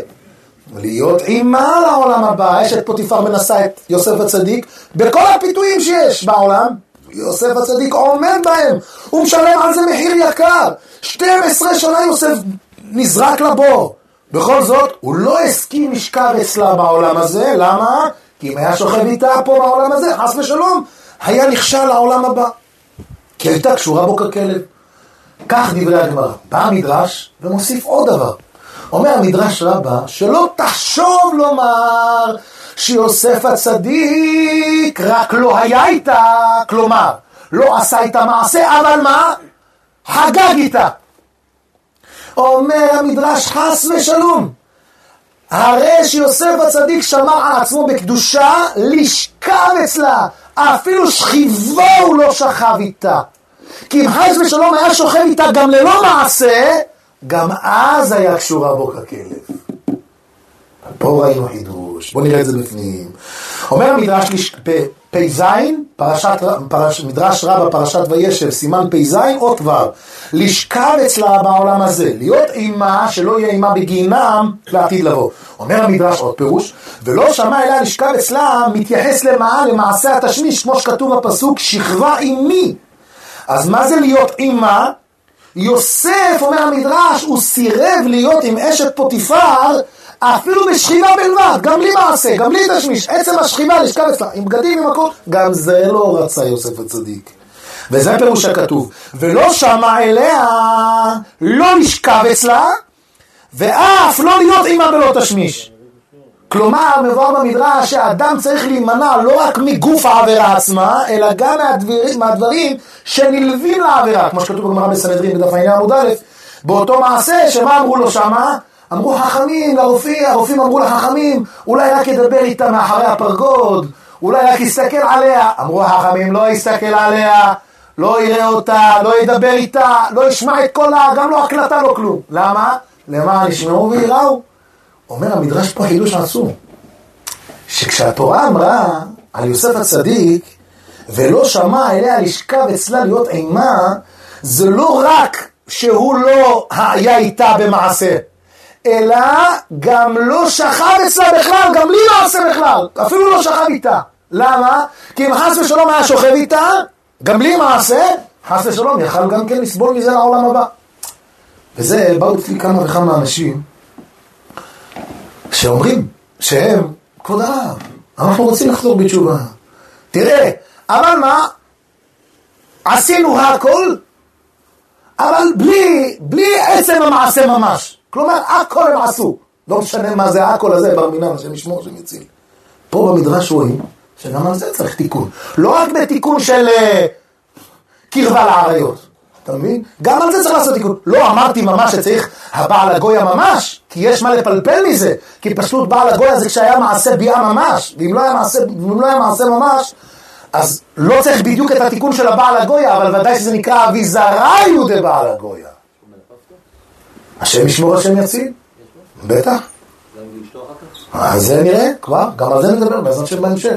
אז זה לא פשוט הדברים האלה, אדם צריך לתת את ליבו, ואני אומר לכם, יש אנשים, הוא אומר לי, הוא מפלפל איתי, אמר תראה, זה, זה עוון ככה, אז זה נקרא דאורייתא, וזה נקרא דרבנן, וזה איסור מדברי קבלה, זה איסור מדברי סופרים, זה רק ככה וככה, אם אני אעשה ככה וככה, ואם עשיתי ככה וככה, אתם לא מאמינים, אני אומר, חס ושלום, זה בדרך כלל, תדעו, בדרך כלל אנשים גרושים, או אנשים רווקים הרבה זמן. בדרך כלל, או אנשים, כל אדם בעל יצר הרע, אבל או אנשים שלא מסופקים. אדם שלא מסופק בביתו זו אשתו, אז הוא הולך לכל מיני מקומות אחרים. אבל אם אדם יודע מה, איך להתנהג בבית שלו, ואיך להתנהג בקדושה וטהרה, כמו שהרמב"ם מביא ועוד, אז הוא ידע בעצם, יהיה לו הרבה הרבה יותר קל להישבר. ואני אומר לכם, מכל הבדיקה שאני בדקתי, ראיתי שבדרך כלל, על פי רוב, זה אנשים שהשלום בית שלהם רעוע. כלומר, הם לא מסופקים בבית שלהם. אם היו מסופקים, בדרך כלל היו מגיעים לידי חטא. ואני לא מדבר איתכם דווקא על אנשים דתיים, אפילו על אנשים שעדיין לא זכו לשמור תורה ומצוות כהלכתן, גם כן הם בדרך כלל המכשול, כאשר הם לא מסופקים בבית שלהם. ויש בזה הרבה מה להעריך, והדברים, צניעות, הרבה יפה להם. ולכן אני חייב להמשיך. אבל תדעו, מה שזה, מה הרבה דברים שגורמים, זה קשור לזה. ולכן צריכים להתעורר מפה, להבין מדברי המדרש, אחד, לומדים מעלתו של יוסף, אבל שתיים, אתה לומד מה אדם צריך לתקן. שלא רק כאשר אדם פגע ממש, כלומר, במעשה, אלא גם אם היה סביב המעשה, גם פה צריך תיקון. איך אמר לי מישהו שבוע שעבר? אמר לי, כבוד הרב, אני בספק על ילד אחד אם הוא ספק ממזר. אני אומר לכם את האמת, מעשה שהיה שבוע שעבר. אחד התקשר אצלי, באריכות, אמר לי, הרב, אני בספק לגבי בן של אישה מסוימת, אם הוא לא ספק ממזר, אתה מבין? זה לא פשוט. ואם חס ושלום אדם היה אצל הגויה והביא ממנה ילד, אז אנחנו נראה בעזרת השם כשנעשה סיכום, אצל השיעורים האלה אתם תראו שיש כמה וכמה דרגות. יש דרגה אחת, בא אצל הגויה, ונקרא לזה בר מינן, היה איתה בלי עצם המעשה. דרגה יותר חמורה, היה איתה ממש. אם זה פעם או פעמיים, או כל אחד לפי הפעמים שהוא היה בר מינן. ודרגה יותר חמורה זה שהיה עם הגויה והביא ממנה ילדים. או אחד או שתיים, או לא משנה כמה. בפעם פה מישהו היה פה בשיעור, לא יודע למה בתקופה האחרונה לא ראיתי אותו, אבל היה פה בשיעור. אחד מבעלי תשובה שבאו פה, שחזרו בתשובה פה בשיעור. והוא בא, אחרי כמה וכמה שיעורים, והוא אמר לי, הרב, יש לו שלושה ילדים מגויה. הוא אומר לי, אבל מה לעשות? ואני הייתי מדבר איתו, אמרתי לו, יום אחד אני אגיד לך, אבל תתמיד בשיעורים. והוא בא עוד שיעור ועוד שיעור ועוד שיעור. עד שראיתי שהוא מוכן נפשית, אתם יודעים מה אמרתי לו? תתפלל עליהם! אתה מבין? כל אחד יבין לבד. תתפלל עליהם. אומר לי, מה הרב באמת? אמרתי לו, מה אתה חושב? ואנחנו נדבר על זה בעזרת שם בהמשך, תבינו למה בדיוק אני אמרתי כך. אבל זה, אדם יראה כמה צריך להתרחק מכל, חז"ל אמרו, הרחק מן הכיעור ומן הדומה לכיעור. אתה מבין? למה? כי אם אדם לא יתקן את עצמו, אז מי יתקן את עצמו? מי יתקן את עצמך? לכן רואים מפה בגמרא דבר גדול מאוד. פה כתוב בגמרא, פשטו דברי הגמרא, שרבי אלעזר אומר, כשהוא ראה בו ככלב, הוא דיבר לגבי דווקא עוון של גויה? לא, הוא דיבר את זה לגבי כל עבירה. סתם עבירה הוא דיבר. הגמרא דיברה על סתם עבירה. אלא מה אמרנו? שיש מפרשים שעבירה הכוונה ניאוף. באמת, רבותינו המפרשים, על הגמרא שמה, גם בסוטה דף עמוד ב', גם במסכת עבודה זרה, הם דיברו על כך, האם באמת זה דווקא לגבי אה, בעל בת אל נכר, דווקא גויה, או לאו דווקא רבנו הריף, רבי יאשיהו פינטו, בעל על העין יעקב, בעבודה זרה ועוד, הם דיברו בדבר הזה, האם זה דווקא לגבי בעל גויה, או לאו דווקא. בכל אופן, איך שלא יהיה, בין אם נגיד כך, בין אם נגיד כך, כתוב פה שהמקור לכל העניין הזה שהעבירה שאדם חטא ולא תיקן קשורה בו ככלב, זה בא מבעל גויה. כי מזה שיוסף הצדיק עמד בפיתוי עם אשת פוטיפר, שאשת פוטיפר היא גויה, עמד בה, מפה אנחנו רואים שאדם שהוא בא אצל גויה, הוא עבירה שלא קשורה בו ככלב. וכך כתוב מפורש בתנחומה, פרשת וישב סימן ח'. כך אמר ליוסף, לאשת פוטיפר, אפילו פנויות שלכם אסורות לנו, וכל שכן אשת איש. באמת יש דיון באדם שבא אצל גויה ויש את איש, האם הוא עבר גם על אה, איסור גויה וגם על אשת איש, או רק על גויה. ולא שמע אלא לשכב אצלה, להיות עימה. לשכב אצלה בעולם הזה, להיות עימה על העולם הבא בגיהינם. ממה שאמר הכתוב להיות עימה, אתה למד שהבעל עובדת עבודת כוכבים, כלומר הבעל גויה, קשורה בו ככלב, מפורש בתנחומה, את מה שבגמרא כתוב לנו, איך אומרים? ברמז, בסוטה דף ג' עמוד ב' ועבודה זרה דפי עמוד א', בתנחומה ובישב ח' כתוב מפורש, שאדם שבעל גויה, העוון הזה קשורה בו ככלב. למה דווקא קשורה בו ככלב? מה עשה הכלב? למה האדם קשורה בו ככלב? אז הביאור הוא כך, בגמרא במסכת סנהדרין דף ק"ח עמוד ב' וגם במדרש תנחומה פרשת נוח סימן י"ב כתוב על שלושה ששימשו בתיבה. כל זמן שהעם, שנוח ובניו היו בתיבה, כולם נאסרו לשמש. בין עופות, בין חיות, בין בהמות, בין, בין האנשים, כולם היו נאסרו. אבל שלושה שלא שמעו לכיוון לכל ציוויו יתברך. הכלב בחיות, העורב בעופות, וחם באנשים. אומרת הגמרא, וכולם לקו. מה המלכות, מה, מה הכאב, מה קיבלו? הכלב נקשר, העורב רק בפיו, וה... וחם לקה בצרעת. חם לקה בצרעת. למה? הוא חימם את עצמו לדבר עבירה, אז גם, מה זה צרעת? צרעת הרי זה מוגלה שיוצאת מהגוף, זה כל מיני הפרשות שהם יוצאים מהגוף של האדם, אז זה סוג של חמימות מסוימת, הפרשות יתר, זה מובן, מי שלמד טבע יודע. עכשיו, העורב מלאקה, שבמקום לקיים יחסים עם העורבת, הזכר והנקבה, בצורה ישירה מאותו מקום, במקום זה איך הוא מקיים את זה? הוצאת הזרע שלו זה דרך הפה. אז הוא מקבל עונש שהוא שימש בתיבה, אז כל החיים זה יהיה רק דרך הפה. מהי נפקא מינה? שני נפקא מינות. אחד, שאין לו הנאה מספיקה, כי זה לא דרך הבריאה שהקדוש ברוך הוא עשה, כי עד אז העורב היה מגיע דרך, דרך רגילותו של העולם, ועכשיו הקדוש ברוך הוא שינה לו את הרגילות, שינה לו את הטבע. למה הוא שינה את הטבע? הקדוש ברוך הוא גם שינה לו את הטבע. הדבר השני שהעורב מקבל, שזה גנות לשמש בפני כולם. שכשאתה רואה את העורב והעורבת נמצאים אחד עם השני מקור במקור, מה אתה מבין? שהם מזדווגים. זה בושה. ולכן זה העונש שלו. מי השלישי? הכלב. אומרת הגמרא, הכלב נקשר. מה זה הכלב נקשר? כמה פירושים יש, אבל אחד הביאורים, מה שהעולם מפרש, וכך כותב הגאון רבי יוסף חיים בבן יהוידע שמה, בסנהדרין קח עמוד ב', הוא אומר דבר פלא. הוא אומר, תראה, הכלב, בשעה שבא אצל הכלבה, אצל הנקבה אצלו, הוא לא פורש ממנו מיד. וכשאתה רוצה לקרוא לו, נגיד שם של כלב, תגיד שם אני לא מכיר. אתה גם לא מכיר? איך יכול להיות בית שעני ולא מכיר שמות של כלבים? נו, תגיד איזה שם של כלב. איך? רקסי. טוב, רקסי. אז הוא קורא לרקסי, הוא אומר לו, אה, רקסי, בוא. ורקסי נשאר. הוא אומר, ואז הכלב מתבייש שהוא לא מסוגל לפרוש מהכלבה שלו. זה פירושו של דבר כלב נקשר. קרא לכם את רבנו יוסף חיים.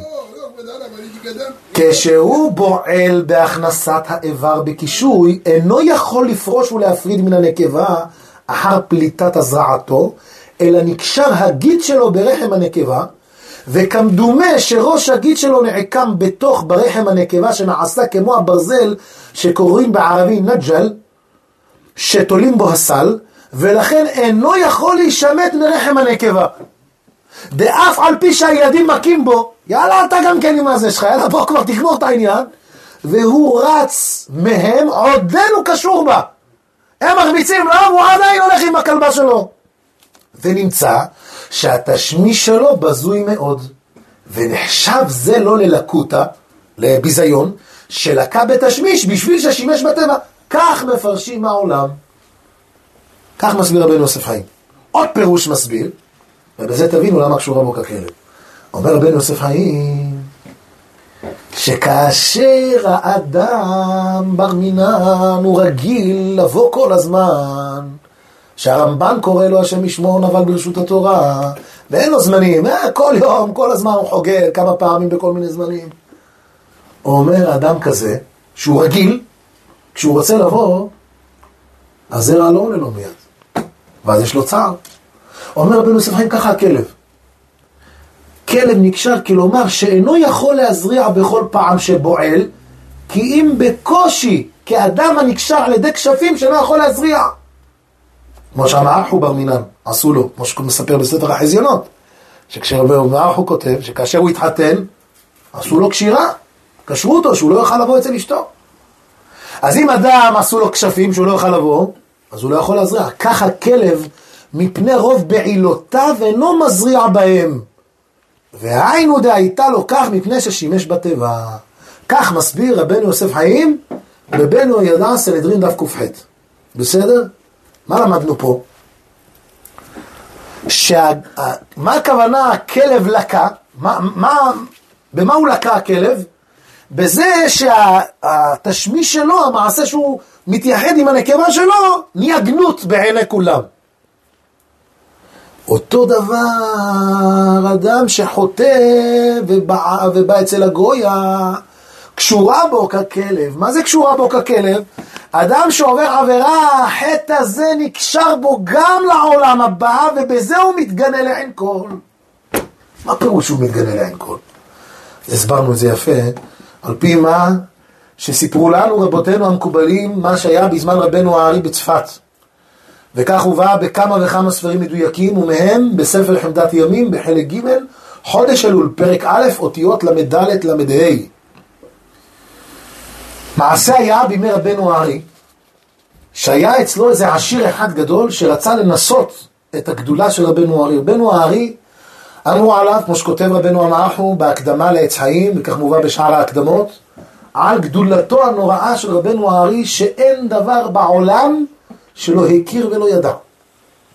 שיחת כלים, עורבים, כלבים, בהמות, חיות, עופות, ודאי מחשבות של בני אדם, וכל העבירות שאדם חטא, הכל. ומה בא לתקן, ומה, למה הוא בא לעולם הזה, הכל ידע רבנו ארי. זה גדולתו רבנו ארי. והנה היה איזה עשיר אחד גדול שאמר, אני רוצה לבוא לנסות את רבנו הארי, האם באמת זה נכון כל מה, מה שאומרים עליו? בינה מלאכותית, אתה מבין?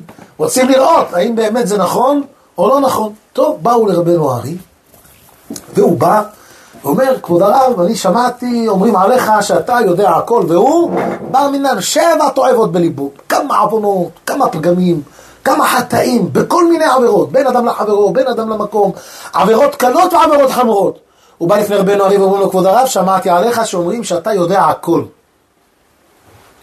אני רוצה לראות שבאמת אתה יודע להגיד הכל. אומר לו רבנו ארי, אה, אתה בטוח? אומר לו, כן. והנה מתחיל רבנו ארי למנות לו כמה פעמים עשית עוון פלוני, כמה פעמים עשית עוון כזה, ועוון חמור כך, ומתחיל למנות לו כל מיני עבורות חמורות. אומר לו רבנו ארי, דע לך, אבל יש עוד עוון אחד, שאוי ואבוי אם אני אגיד אותו. אומר לו, כבוד הרב, אני לא מפחד, תגיד הכל. אמר לו, אה, תיזהר. אומר לו רבנו ארי, תיזהר, לא כדאי לך שלא תתבייש. אמר לו, כבוד הרב, תגיד הכל, אני לא מפחד. אמר לו, יש לך שפחה אחת שעובדת אצלך בבית והיא גויה. פטמה, פטמה. היא נמצאת אצלך בחצר, עובדת אצלך כל הזמן, ואתה בא אצלה. אמר לו כבוד הרב, כל העבירות שהזכרת אמת, אבל העוון הזה שאני באתי אצל הגויה, חס ושלום, מעולם לא הייתי עם גויה. אמר לו, אה, אתה רוצה שאני אגיד לך את האמת, אני אראה לך אותה? אמר לו, כן, בוא נראה כוחך. מיד רבנו ארי לקח את ידו הקדושה, והעביר אותה על פניו של אותו, הגו, של אותו העשיר, ומיד נראתה הדמות של אותה פטמה, אותה הגויה, נראית מולו. מיד נתעלף. והכיר שבאמת זהו זאת היא. אמר לו, כבוד הרב, אמת הדבר.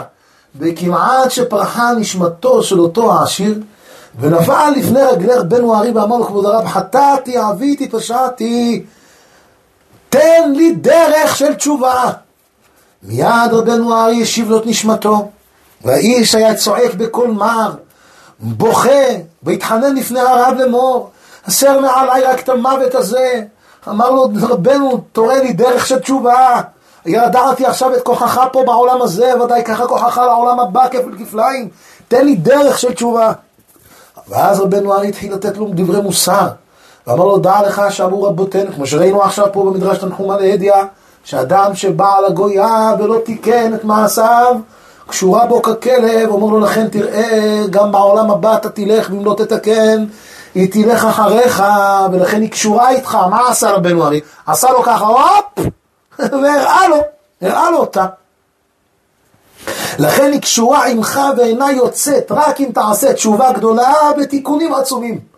אמר לו רבנו, אמר לו אותו האיש, כבוד הרב, מוכן לעשות הכל, סקילה, שריפה, הרג בחנק, כל ארבעה מיטות בדין הוא מוכן לקבל. אמר לו, בנו הארי, אתה לא צריך ארבעה מיטות בדין, אתה צריך אחד, שריפה. התיקון שלך שריפה. מיד בא אותו עשיר, היה לו שם מלא כסף, הוציא מלא דולרים, בא לפני רבנו הרב, אמר לו כבוד הרב, הנה זה כסף, ילכו יכרתו עצים, ונעשה מדורה, ואני אעלה למדורה ואני אשרף. אני עושה תשובה.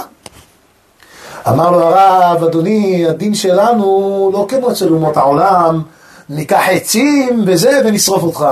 זה לא ככה. בעם ישראל צריך לקחת עופרת ולחמם אותה, אתה תפתח את הפה ואנחנו נשפוך לך בפנים.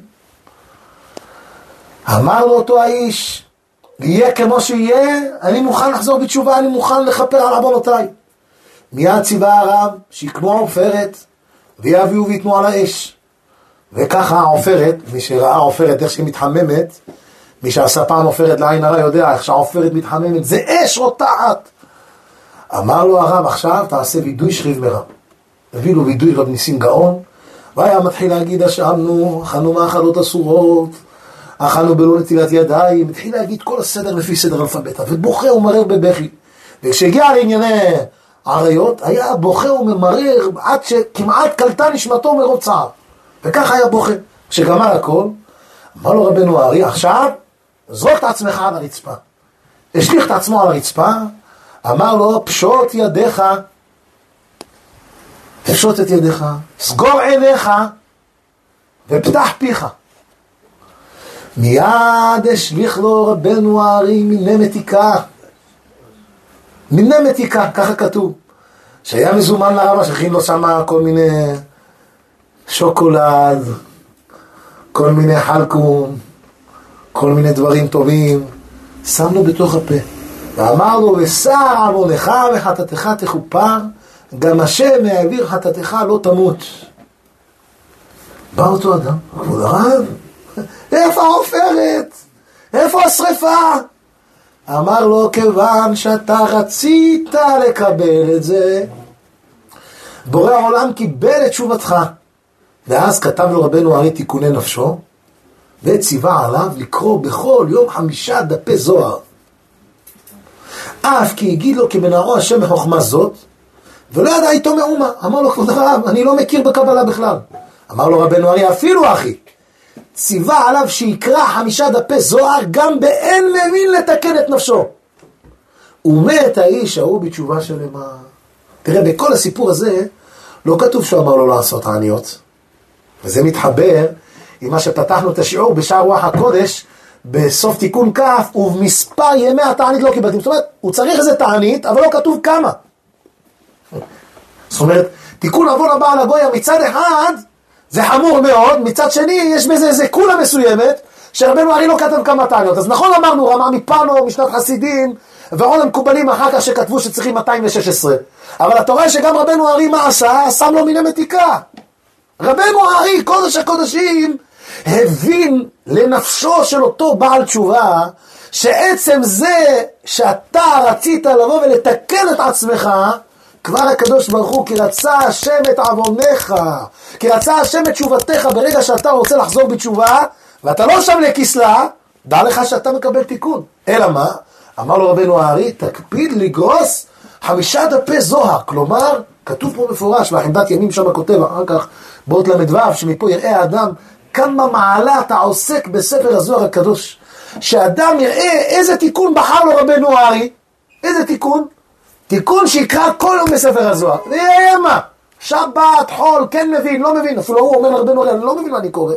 אבל כן, ולא היה אז לא מתוק מדבש, ולא המאור, ולא הכתר והכבוד, ולא הסולם, ולא ידיד נפש, ולא זוהר חי, ולא דמשק אליעזר, ולא אור החמה, ולא אור יקר, וכל הביאורים של הזוהר לא היה.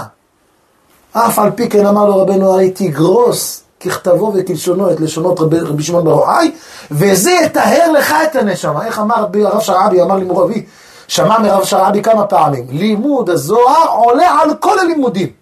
אגב, נזכרתי כשסיפרתי לכם את זה, מה שסיפר לי מורבי על הרב וולטוך, הוא אומר שפעם הם היו החברים, הלכו לקבר דן בן יעקב עם הרב יוסף וולטוך עליו השלום.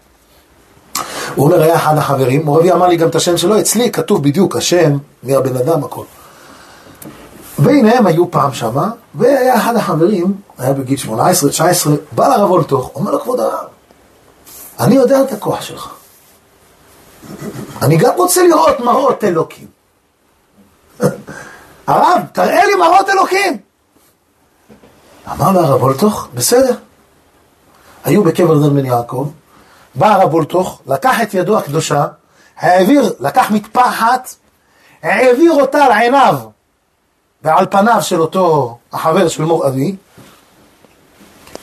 במשך שלוש דקות, אחרי שהעביר לו, מספר, מור אבי סיפר לי, הוא אומר, אמר להם אותו החבר, הוא אומר, ראה, ראה מאות אלוקים. הוא אומר, אני רואה את השמיים בכיסא הכבוד ומלאכים. הוא אומר, אחרי שלוש דקות בא הרב וולטוך, לקח את המטפחת, אומר לו, חביבי, הופ, תחזור להיות בן אדם רגיל. זה, תראה מה זה כוח של צדיקים. פעם הם היו אצל, עם בבא סאלי, עם הרב וולטוך אצל בבא סאלי, ואז, לפני שהם יצאו, הרב בבא סאלי אמר לרב וולטוך, אמר לו, אה, ריבי, ברכני! הרב וולטוך התבייש מאוד מבבא סאלי, אז הוא רמז לחברים, לכל המורבי היה, תצאו, אז הם יצאו, הוא אומר כמה דקות ובירך את הרב. הוא אומר, כשיצאו, אז אחד החברים העז, אמר לרב וולטוך, כי הרב וולטוך היה מתנהג איתם כמו חבר. אמרו לו, כבוד הרב, אה, הנה בבא סאלי ביקש ממך ברכה. אמר לו, איזה ברכה? אמר, רצה לתקן את נפשי, באתי אצלו. תראה איזה ענווה היה להם. זה איזה קדושה. למה נזכרתי בזה? בגלל שקראנו את הסיפור עכשיו, שהוא בא והעביר לו את ידו. אתה מבין? אז העביר לו את ידו, הראה לו שמה את מה שצריך לתקן, והרב וולטוך הראה להוא איזה דברים יש בשמיים. טוב, נחזור לעניין. לפי זה נפלא מאוד. שאלנו, מה העניין הזה קשורה בו ככלב? מה זה קשורה בו ככלב? רואים פה, בסיפור הזה שעכשיו סיפרנו, וזה זוהר מפורש גם, שכתוב שכשאותו האיש בא ופגם, מה עשה רבנו הארי? הראה לו בדיוק מה קורה.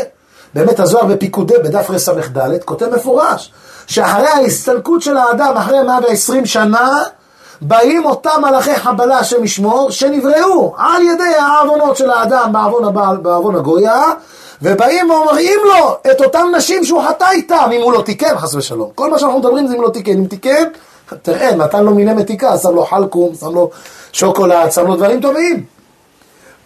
אז לפי זה, אם פה בעולם הזה רבנו ארי הראה מה קורה בעולם העליון בדין של מעלה, הרי שזה הפשט. מה שכתוב בתנחומה, שאדם שבא על גויה קשורה בו ככלב, פירושו של דבר, שכל מקום שאדם הולך, הכלבתה הזאת הולכת איתו לכל מקום, השם ישמור. כלומר, מעשה האדם היה איתה, בעולם הזה היא הולכת איתו לכל מקום, אדם מתפלל, רוצה לחזור בתשובה, אדם הולך, כל זמן שלא חזר, הקליפה הזאת של הגויה הולכת איתו לכל מקום, השם ישמור. אז איך יראו פניו לעולם הבא? אם בעולם הזה היא הולכת איתו לכל מקום, אז לעולם הבא מה? לשכב עימה? להיות אצלה, לשכב עימה לעולם הבא, כמו שראינו עכשיו. אז איך אדם יראה פניו? להיות עימה, לשכב אצלה. לשכב אצלה בעולם הזה, להיות עימה לעולם הבא. אם אדם לא יתקן פה בעולם הזה את מה שחטא בעוון הבא על הגויה, איך יעלה לעולם העליון? אז ודאי שיש דרגות. כן ידע מהחטא, לא ידע מהחטא, היה חילוני, עדיין לא הכיר, עכשיו כן מכיר, עכשיו כן יודע, כי המון אנשים, מה שאני בדקתי, ראיתי שלא ידעו בכלל, כמו שהרבה לא יודעים, אלה שגדלו בתינוקות שנשבו, לא יודעים מעוון שזל. אמר לי פה פעם מישהו מהשיעור, כבוד הרב, רק בגיל 26, פעם ראשונה שמעתי בחיים שיש כזה דבר איסור שזל. אמר לי פה מישהו מהשיעור. איך ידע? מאיפה ידע? איפה למד? כשבאו מורים לבית ספר ואמרו להם בגיל 12 איך לעשות חטאים בר מינן? מאיפה ידע שזה אסור? וככה לא ידע, חבר וחברה, מי בכלל יודע? הם באים לשיעורים והם שומעים פעם ראשונה בחיים שיש כזה דבר איסור. הם לא יודעים מאיפה ידעו, תינוקות שנשבו. אבל ברגע שחזרו בתשובה, ברגע שמתקרבים, ברגע ששומעים, צריכים לבוא ולתקן. אין פה דרך אחרת. אדם חטא, יש כנגד זה תיקון, ואשרינו שזכינו להיות מעם ישראל, מעם אשר בחר בנו. איך אנחנו מברכים כל יום? הזוהר כותב בתיקונים, אחד הברכות אנחנו מברכים שלא עשני אישה, שלא עשני גוי. אומרים כל יום, משתבח שמו שלא עשני גוי. כמה אדם צריך לרקוד? אשריך שאתה מעם ישראל, אשריך שאתה לא גוי, בחר הקדוש ברוך הוא בחר בנו, העם הנבחר אנחנו, אשר בחר בנו מכל העמים, נתן לנו את תורתו, יש לנו דרך, יש לנו תורה, יש לנו, וגם אם אדם חטא, וגם אם אדם פגם, גם יש תיקון, תשובה קדמה לעולם, קודם בריאת העולם, כמו שלמדנו בגמרא בנדרים ל"ט פסחים נ"ד. ולכן אנחנו צריכים לשמוח, גם אדם שחטא, גם אדם שפגם, יבוא ויתקן. ברגע שתיקן, נגמר, יחזור בתשובה שלמה. עד לפני כמה וכמה שנים, הרבה אנשים היו חוטאים דרך השבועונים. דרך השבועונים, יש שם כל מיני טלפונים, יש שם כל מיני דברים, וככה אנשים היו חוטאים, ככה אנשים היו פוגמים. היום לא שבועונים, לא כלום, אדוני, בטלפון אחד, ברגע אחד, בשנייה אחת, מראים לך גם כמה, כמה מטר זה קרוב לך לבית, אתה מבין? בר מינן. וזה לא משנה איפה אתה. אמר לי בעל תשובה, שחזר בתשובה אצלנו, אמר לי, כבוד הרב, אנשים אומרים הם נוסעים להונגריה, מה יש בהונגריה? רב שיאלה מקריסטר. כולם היום שמעו על הצדיק הזה, מי לא שמע? מה, איזה קודש קודשים היה הצדיק הזה. ויש עליו גם שיר. על רב שיילה מקריסטרר. קריסטרר זה בהונגריה. אמר לי בן אדם, מה התשובה שלי? אמר לי, כבוד הרב, דע לך. אני אומר לך, אנשים אומרים קריסטרר. אומרים, אנחנו הולכים, אומרים למשפחה, אנחנו נוסעים לרבי שיילה. אתה מבין? הוא אומר, במקום לנסוע לרב שיילה, בר מינן לאיפה הם נוסעים בהונגריה, השם ישמור. וזה אחריתו מישורנו. אדם כזה, מסכן. אדם חוטא, פעם ראשונה, פעם שנייה, אחרי זה נעשית לו כהיתר, אתה מבין? ואז מה? איך יחזור בתשובה? איך יתעורר? איך יתגבר? איך יתקדש? איך, עזוב את העולם הבא, איך את העולם הזה הוא יעבור? איך אפשר לעבור את העולם הזה? הרי כולנו יודעים, אם אתה עושה עכשיו תענית, אם עכשיו אתה לומד תורה בחשק, אם אתה עכשיו באת ושמרת על העיניים בקדושה, איזה ענה רוחנית יש לך? איזה השגה, לא מדבר איתך עכשיו השגות של צדיקים, אני מדבר איתך השגה פשוטה של עצמנו, לא עכשיו עולמי נשמות ודמיונות וראיות ובעל... לא, השגות אני מתכוון, השגות שאדם מרגיש בעצמו, איזה התעלות, איזה קדושה, איך הוא שמח בקידוש של שבת, איך הוא שמח בתפילה, איזה התעוררות יש לו בקריאת שמע, איזה שמחה יש לו על הפנים, איזה יראת השם חופפת עליו כל היום. אדם מסכן שחטא ולא, ולא תיקן. איזה הנאה יש לו? איך אמר החפץ חיים? העולם הבא, העולם הבא, מה עם העולם הזה שלו? את העולם הזה אדם מפסיד אם אדם לא מתקן. ולכן, אשרינו שאנחנו זוכים שיש לנו דרך של תשובה. כמה אנחנו צריכים לשמוח שהקדוש ברוך הוא נתן לנו את הדרך הזו.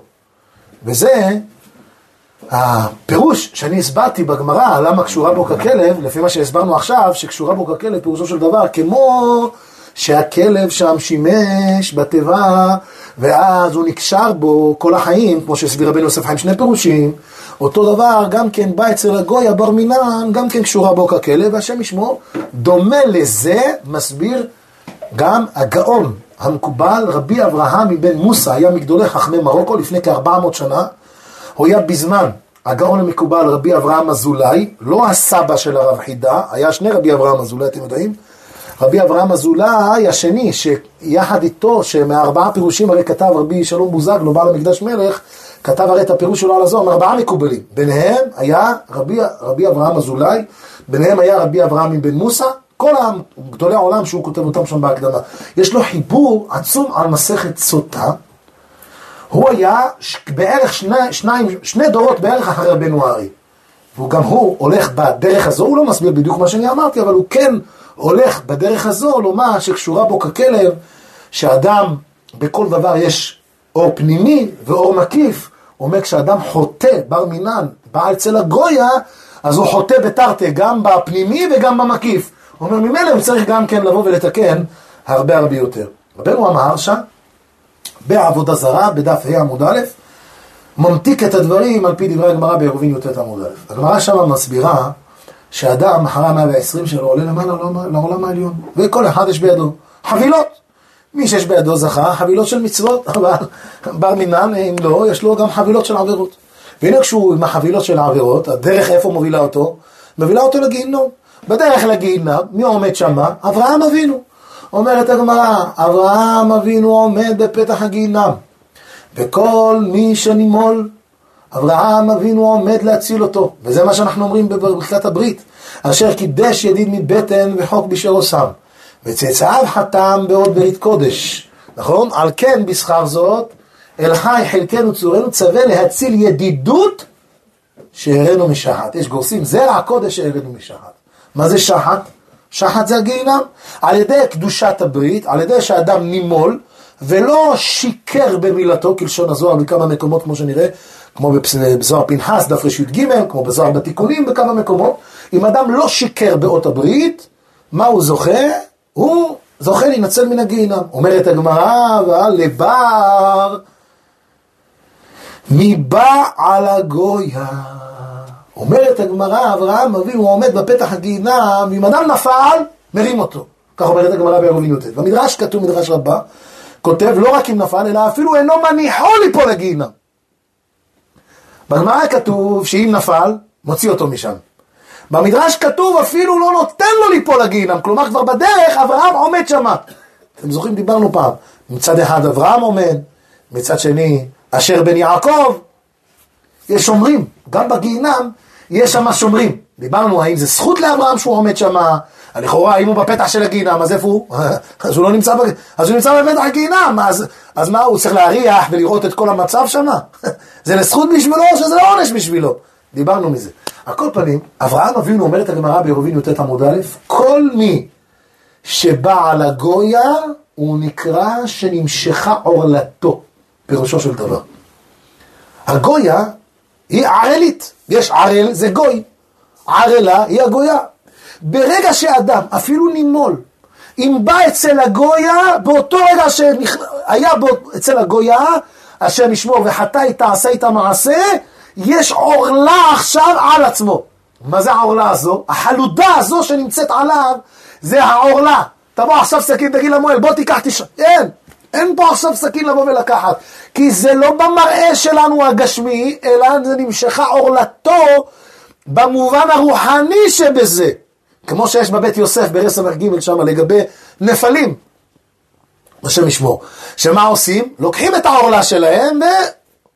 ומוציאים אותה. למה? בשביל שיזכו לקום בתחיית המתים. והרשעים מה? תראו שם בבית יוסף. אז הרשעים השם ישמור, הקדוש ברוך הוא, מראה כאילו נמשכה עורלתם. מה זה נמשכה עורלתם? הם עולים למעלה, אומרים אדוני, יש לו עורלה עליו. מה עורלה? אני נימולתי כשהייתי בן שמונת ימים, איזה ברית ההורים שלי עשו לי, איזה שמחה היה, איזה דברים היה. הנה יש לי תיעוד, הנה המועד, הנה הסנדק, איזה שמחה היה, יש וידאו. אומרים לו, יש וידאו, בוא תראה וידאו עשרים שנה אחרי מה עשית. הלכת אצל ההיא, אצל הגויה הזאת היית. ושמה, ברגע שהיית אצלה, נמשכה העורלה שלך כאילו אתה לא נימון השם ישמור. אומרת הגמרא ביעקבין י"ט, אדם שהיה אצל הגויה ולא תיקן, כאילו נמשכה עורלתו, ואברהם אבינו לא מציל אותו בגיהינם. אומר המהרש"א, זה הפירוש בגמרא. אומרת הגמרא, רבי אלעזר אומר, אדם שחטא ובא אצל ארמית, בא אצל הגויה, קשורה בו ככלב. כמו שהכלב נקשר לגנותו בתשמיש, כמו שראינו בגמרא בסנהדרין ק"ח עמוד ב', ככה בועל כנענית, אדם שבועל גויה, עורלתו, מבשקרלה להיות עימה בעולם הבא. באברהם אינו מכניסו לגן העדן. אז מה הכוונה שהיא קשורה בו ככלב? שלעולם הבא הוא מגיע, הוא רוצה להיכנס. אומר לו אברהם אבינו, אדוני, אין לך כניסה לעולם העליון לקדושה. למה? כי חס ושלום היית אצל הגויה. אברהם אבינו דווקא עומד שמה, כי הוא בן 99 מסר את נפשו על קיום ברית המילה. ולכן הזוהר הקדוש כותב שלא מספיק שאדם נימול בן שמונה ימים, אלא צריך שאדם ישמור על אות הברית קודש. וגם אדם שחטא וגם אדם שפגם ידע שיש לו תיקון. אומר הגאון מווילנה, בביאורו לספר יונה פרק ב', אומר זה הפסוק אומר בספר יונה. עפפוני מים עד נפש, תהום מסובבני, סוף חבוש לראשי. אומר הגאון מווילנה, מה זה סוף חבוש לראשי? אומר הגאון מווילנה, אל תקרא סוף, אלא סוף.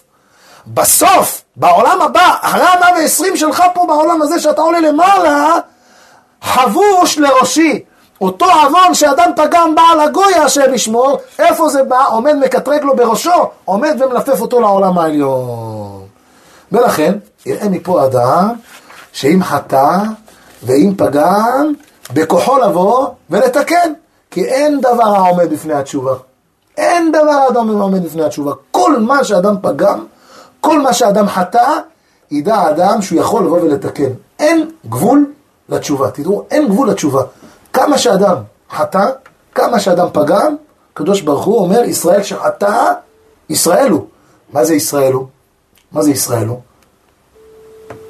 ישראל הוא פירושו של דבר, זה לא משנה. איפה שאתה, כמה שאתה ירדת, דע לך, הקדוש ברוך הוא בא ושמח בך. אין סוף לזה. ולכן אדם צריך להתעודד, השיעור הזה, זה בא הפוך, זה בא לחזק אותנו.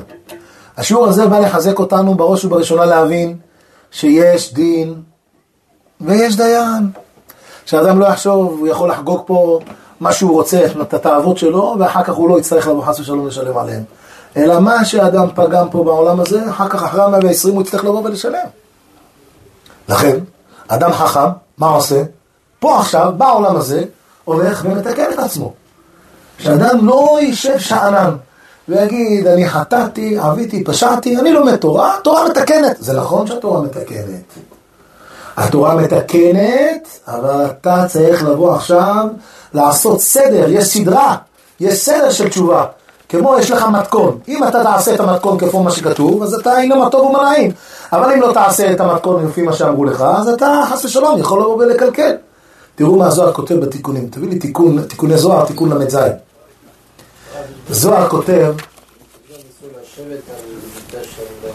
מיטה של ארמית, זה בגמרא בברכות, בדף ח', נכון. זה עוד עניין, זה עוד, עוד דבר שמה, מה שהגמרא אומרת, נכון? זה עוד, עוד סוגיה. על כל פנים, גם גמרא בפתחים זה, בדף קי"ב. פעמיים הגמרא דיברה מזה. על כל פנים, עשינו על זה, יש לנו שיעור שלם על הנושא הזה. על כל פנים, מפה אדם יראה כמה הוא צריך לבוא ולתקן. ומי לנו גדול מחכמי ישראל? עם חכמי ישראל, התנאים, הקדושים, גדולי העולם, תראה מה כתוב. אני, תראה גדולי העולם, תראה מה כתוב, תראה איך הם. בא השטן, בא אותם הטרונות האלה, אותם הגויות, באו רצו להכשיל אותם. הרשש, גדול המקובלים. כל מה שזכה להגיע למה שזכה, בשביל שכשהיה יתום בר מינן, אין, יש מתוק מדבש? שמה אין? לא, תיקון ל"ז. תיקון ל"ז, תראה אם יש, זה חלק ב' במתוק מדבש. תראה אם תמצא מתוק מדבש, תיקוני זוהר חלק ב'. אז אותם אלה, הרשש, גדול עולם, מה היה? היה ילד יתום. הלך, עזר להורים שלו, לאימא שלו, הוא היה בכור, היה הולך, מוכר, צדקית, מוכר כל מיני דברים, מראות קטנות, כל מיני מסרקים, כל מיני דברים, בשביל לעזור לפרנסה. והיה הילד הזה, היה יפה תואר, רבי שלום מזרחי. בדרך, הגיע שם באחד הכפרים, באה איזה גויה אחת, מטרונה אחת, סגרה עליו את הדלת, בשביל להיכשל בו. מה עשה רבי שלום של רבי? קפץ! ולפני שקפץ, אמר לקדוש ברוך ריבונו של עולם, אם תציל אותי ממנה, אני נודר שאעלה לירושלים. והזכיר לעסוק בתורה כל חיי. עלה הרשש, קפץ וניצל, שלוש קומות, ניצל. מלאך תפס אותו, ניצל, לא קרה לו כלום.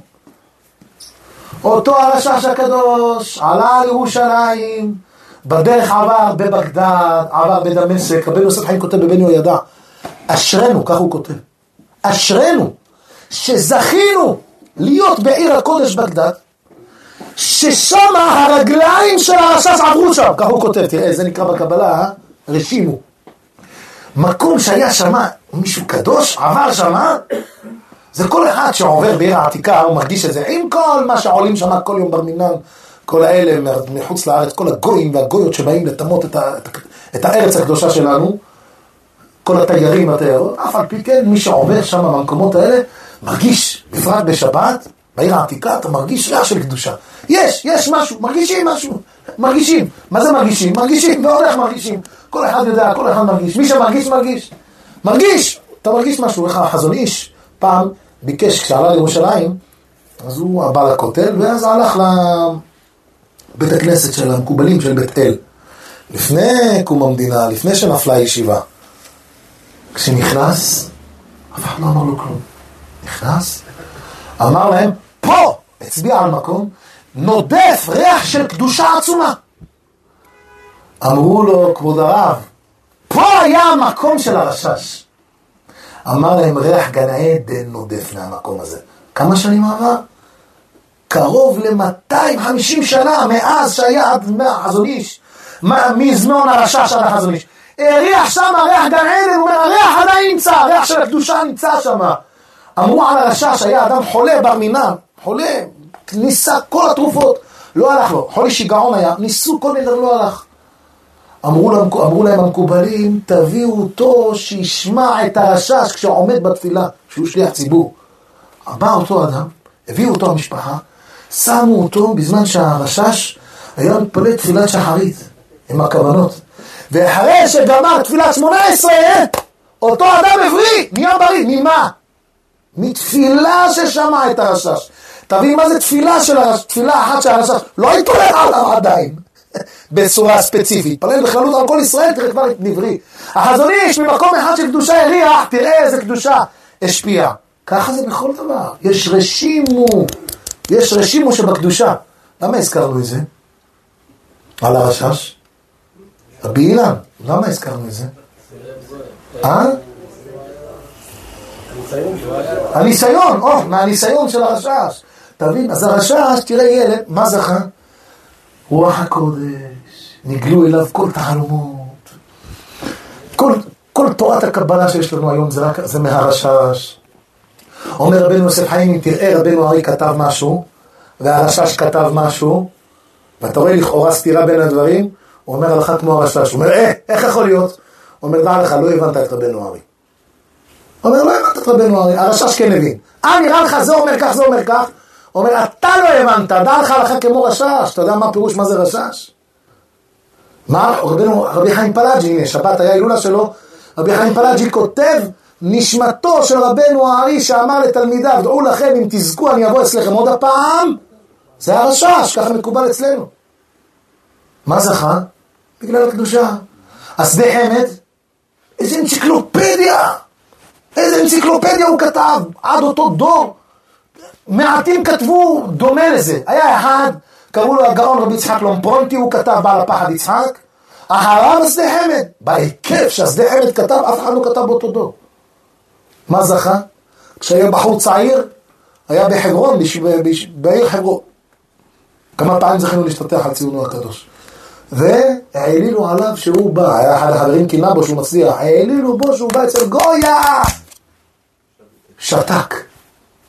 קיבל ביזיון, שתק, העלילו עליו, תראה מה זכה. והרבה גדולים תראו לכם, הרבה גדולים, היה עבץ כותב. כשהיה בגיל 15, היה עבץ מספר על עצמו, רבי יעקב עמדין. יש כמה יעבץ. היעבץ הכי מפורסם שאומרים היום, זה יעבץ הכוונה רבי יעקב עמדין. אבל לפניו היה לנו היעבץ הספרדי, על פרקי אבות, החכם היעבץ. יש היעבץ התימני, יש היעבץ המרוקאי, רבי יעקב אבן צור. הרבה, יש הרבה יעבצים, תראו. היעבץ הראשון זה עתניאל בן כנז. היעבץ כותב, רבי יעקב עמדין אומר בספר שלו, שכשהוא היה בגיל 15, אומר, היה חולה. ובדודה שלו, הוא אומר, הייתה בחורה יפהפייה, אין כמוה. אומר, וכשהיה חולה, הייתה סועדת אותו. אומר, ואף אחד לא היה בבית. אומר, אחרי שלושה ימים, הוא אומר, התחיל להתקשר אליה, הוא אומר, ועצר את עצמו רגע אחד לפני שפגע מיתה, הוא אומר, ואז נפתחו לי כל מעיינות החוכמה. כך כותב רבי יעקב הנדין, פעם קראנו לזה באחד השיעורים, את כל הסיפור. וככה כל הגדולים, מי שבא לו ניסיון ועמד בו, העולם, העולם עומד עליו, וכך כותב רבנו חיים פלאג'י על משפחת ישראל. משפחת ישראל זה משפחה של רבנים, דור אחר דור, למעלה מעשר דורות, דור אחרי דור. רבי אליהו ישראל, מעל הכיסא אליהו באלכסנדריה של מצרים, גדולי העולם היו דור אחרי דור. אומר רבי חיים פלאג'י, זה שתראה שמשפחת ישראל, דור אחר דור התורה לא פסקה מזרעם, אין זה אלא כי הסבא רבא שלהם היה לו ניסיון עם איזה פוטיפר אחת, עם איזה אשת פוטיפר ועמד בה, וכיוון שעמד בניסיון, זכה שלא תמוש התורה מפי זרעו וזרע זרוע לעולם. תראה מה זה. וזה הזוהר כותב, ונסיים בזה היום. הזוהר כותב בפנחס רי"ג עמוד א' תחזה כל מן דזכר יתקף משכינתה הסתמר גרמו ימינון מן לינדה חידה לקובלה כגון מנינון דלה משקרה בעד קדישה כגון בתל נחר.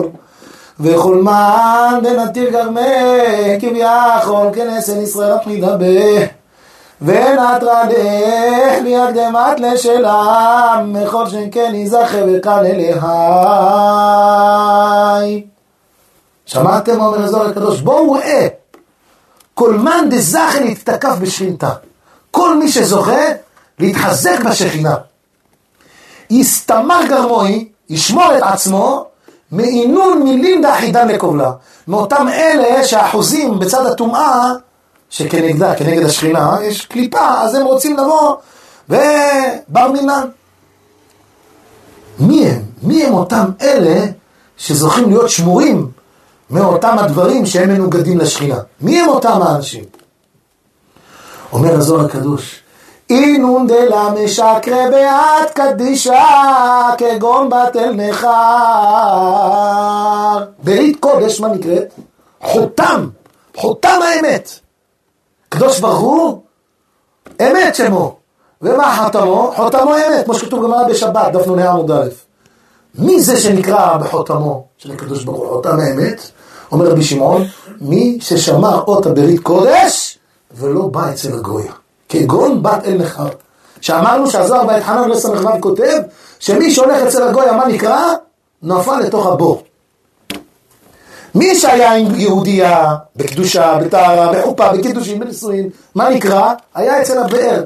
הבאר, מה מוציאה? מים טהורים, מים נקיים, מים זקים. אבל חס ושלום בתוך הבור, נחשים, עקרבים, לכלוך, זה פגם, זה בת אל נכה. וכל מן דנתיר גרמה, כל מי ששומר את עצמו, שלא ייפול בפגם הברית, וכביכול כנסת ישראל הכי דבה, כנסת ישראל אחוזה לך, תבינו מה זה זכה אחד, מכריע את כל הכף, ונטרלה, והיא שומרת עליו מכל הדברים הרעים, לא ישלוט בו זר, לא תפחד משום דבר, לא תפחד, אף אחד לא יכול להרע לך. והיא הקדמת לשלם, והיא מקדימה לך לשלום, וכל שכן יזכה וכאן אליי, כל שכן, אם לא רק הוא שומר על עצמו, אלא גם מזכה לאחרים ומקנא על אות הברית קודש. כלומר, יודע להוכיח בשער כשצריך, הוא יודע לבוא ולעורר את האחרים, איך לבוא ולשמור. כותב פה, גאון המקובל רבי משה זקוטה בביאורו על הזוהר, הרי הביאו את זה פה בדפוס המאור, באות ל"א. יש לפרש שהכוונה שלא רק שלא נכשלים בבעילה ממש חס ושלום, שאז לכולם נקשו עמוק הכלב, אלא, כמו שאמרנו תמיד, אלא נשמרים אפילו מהרהור ותשוקה אליה. כלומר, לא יגיד אדם מי אפשי, התורה אסרה, אלא אפשי, ואף על פי כן אני בא. אומר הרמז, אדם לא פגם, לא היה אף פעם עם גויה, וגם לא יהיה בעזרת השם, אבל מה? הוא פעם היה איזה אחת, אתה מבין? והוא אומר, אה, לו רק הייתי יכול. לו רק חס ושלום הייתי כך וכך. או כשהם רואים, או כשפה, או כששם, לא חסר מקרים. הוא אומר, הרמז אדם שמשתוקק ויש לו תשוקה חס ושלום אצל גויה, זה גם נקרא חס ושלום בכלל אביזריו דבא אצל הגויה. לא בעל הגויה ממש, אבל יש לו אביזריו. מה זה נקרא אדם ששומר אות הברית קודש שלא פגם באות הברית, שנקרא שהוא נמצא בחותם האמת והוא לא משקר בקודש הבריחו? זה אדם שזוכה לשמור על עצמו, שגם אין לו תשוקות רעות, שגם אין לו תשוקות של, של כל מיני רצונות לדברים אחרים. ואיך אדם זוכה לזה? מי שזוכה לבוא לבנות תורה, מי שילמד תורה, מי שיהיה שקוע בתורה הקדושה, יהיה לו כוח לבוא ולהתגבר. איך רבי חנינה בר פפי הצליח להתגבר? בגמרא בקידוש של לתת עמוד ב' ומ"ם עמוד א'. איך? איך כל אותם החכמים, איך רבי עקיבא בעבוד רבי נתן פרק ט"ז? קשה עליי ריחן מנבלות וטרפות. אתה יודע מה זה נבלה? אתה יודע מה זה טרפה? תראה יום, יומיים אחרי, תראה את הריח שלהם, אחרי כמה שעות, איך כתוב שם, ולא היה זבוב בבית המטבחיים. כי אתה יודע כמה זבובים באים, כמה דברים, השם ישמור, אתה לא יכול להריח. היום ישר, בית המטבחיים ישר מקרר, ישר הכל, למה? אם לא, השם ישמור, זה רק נפילה.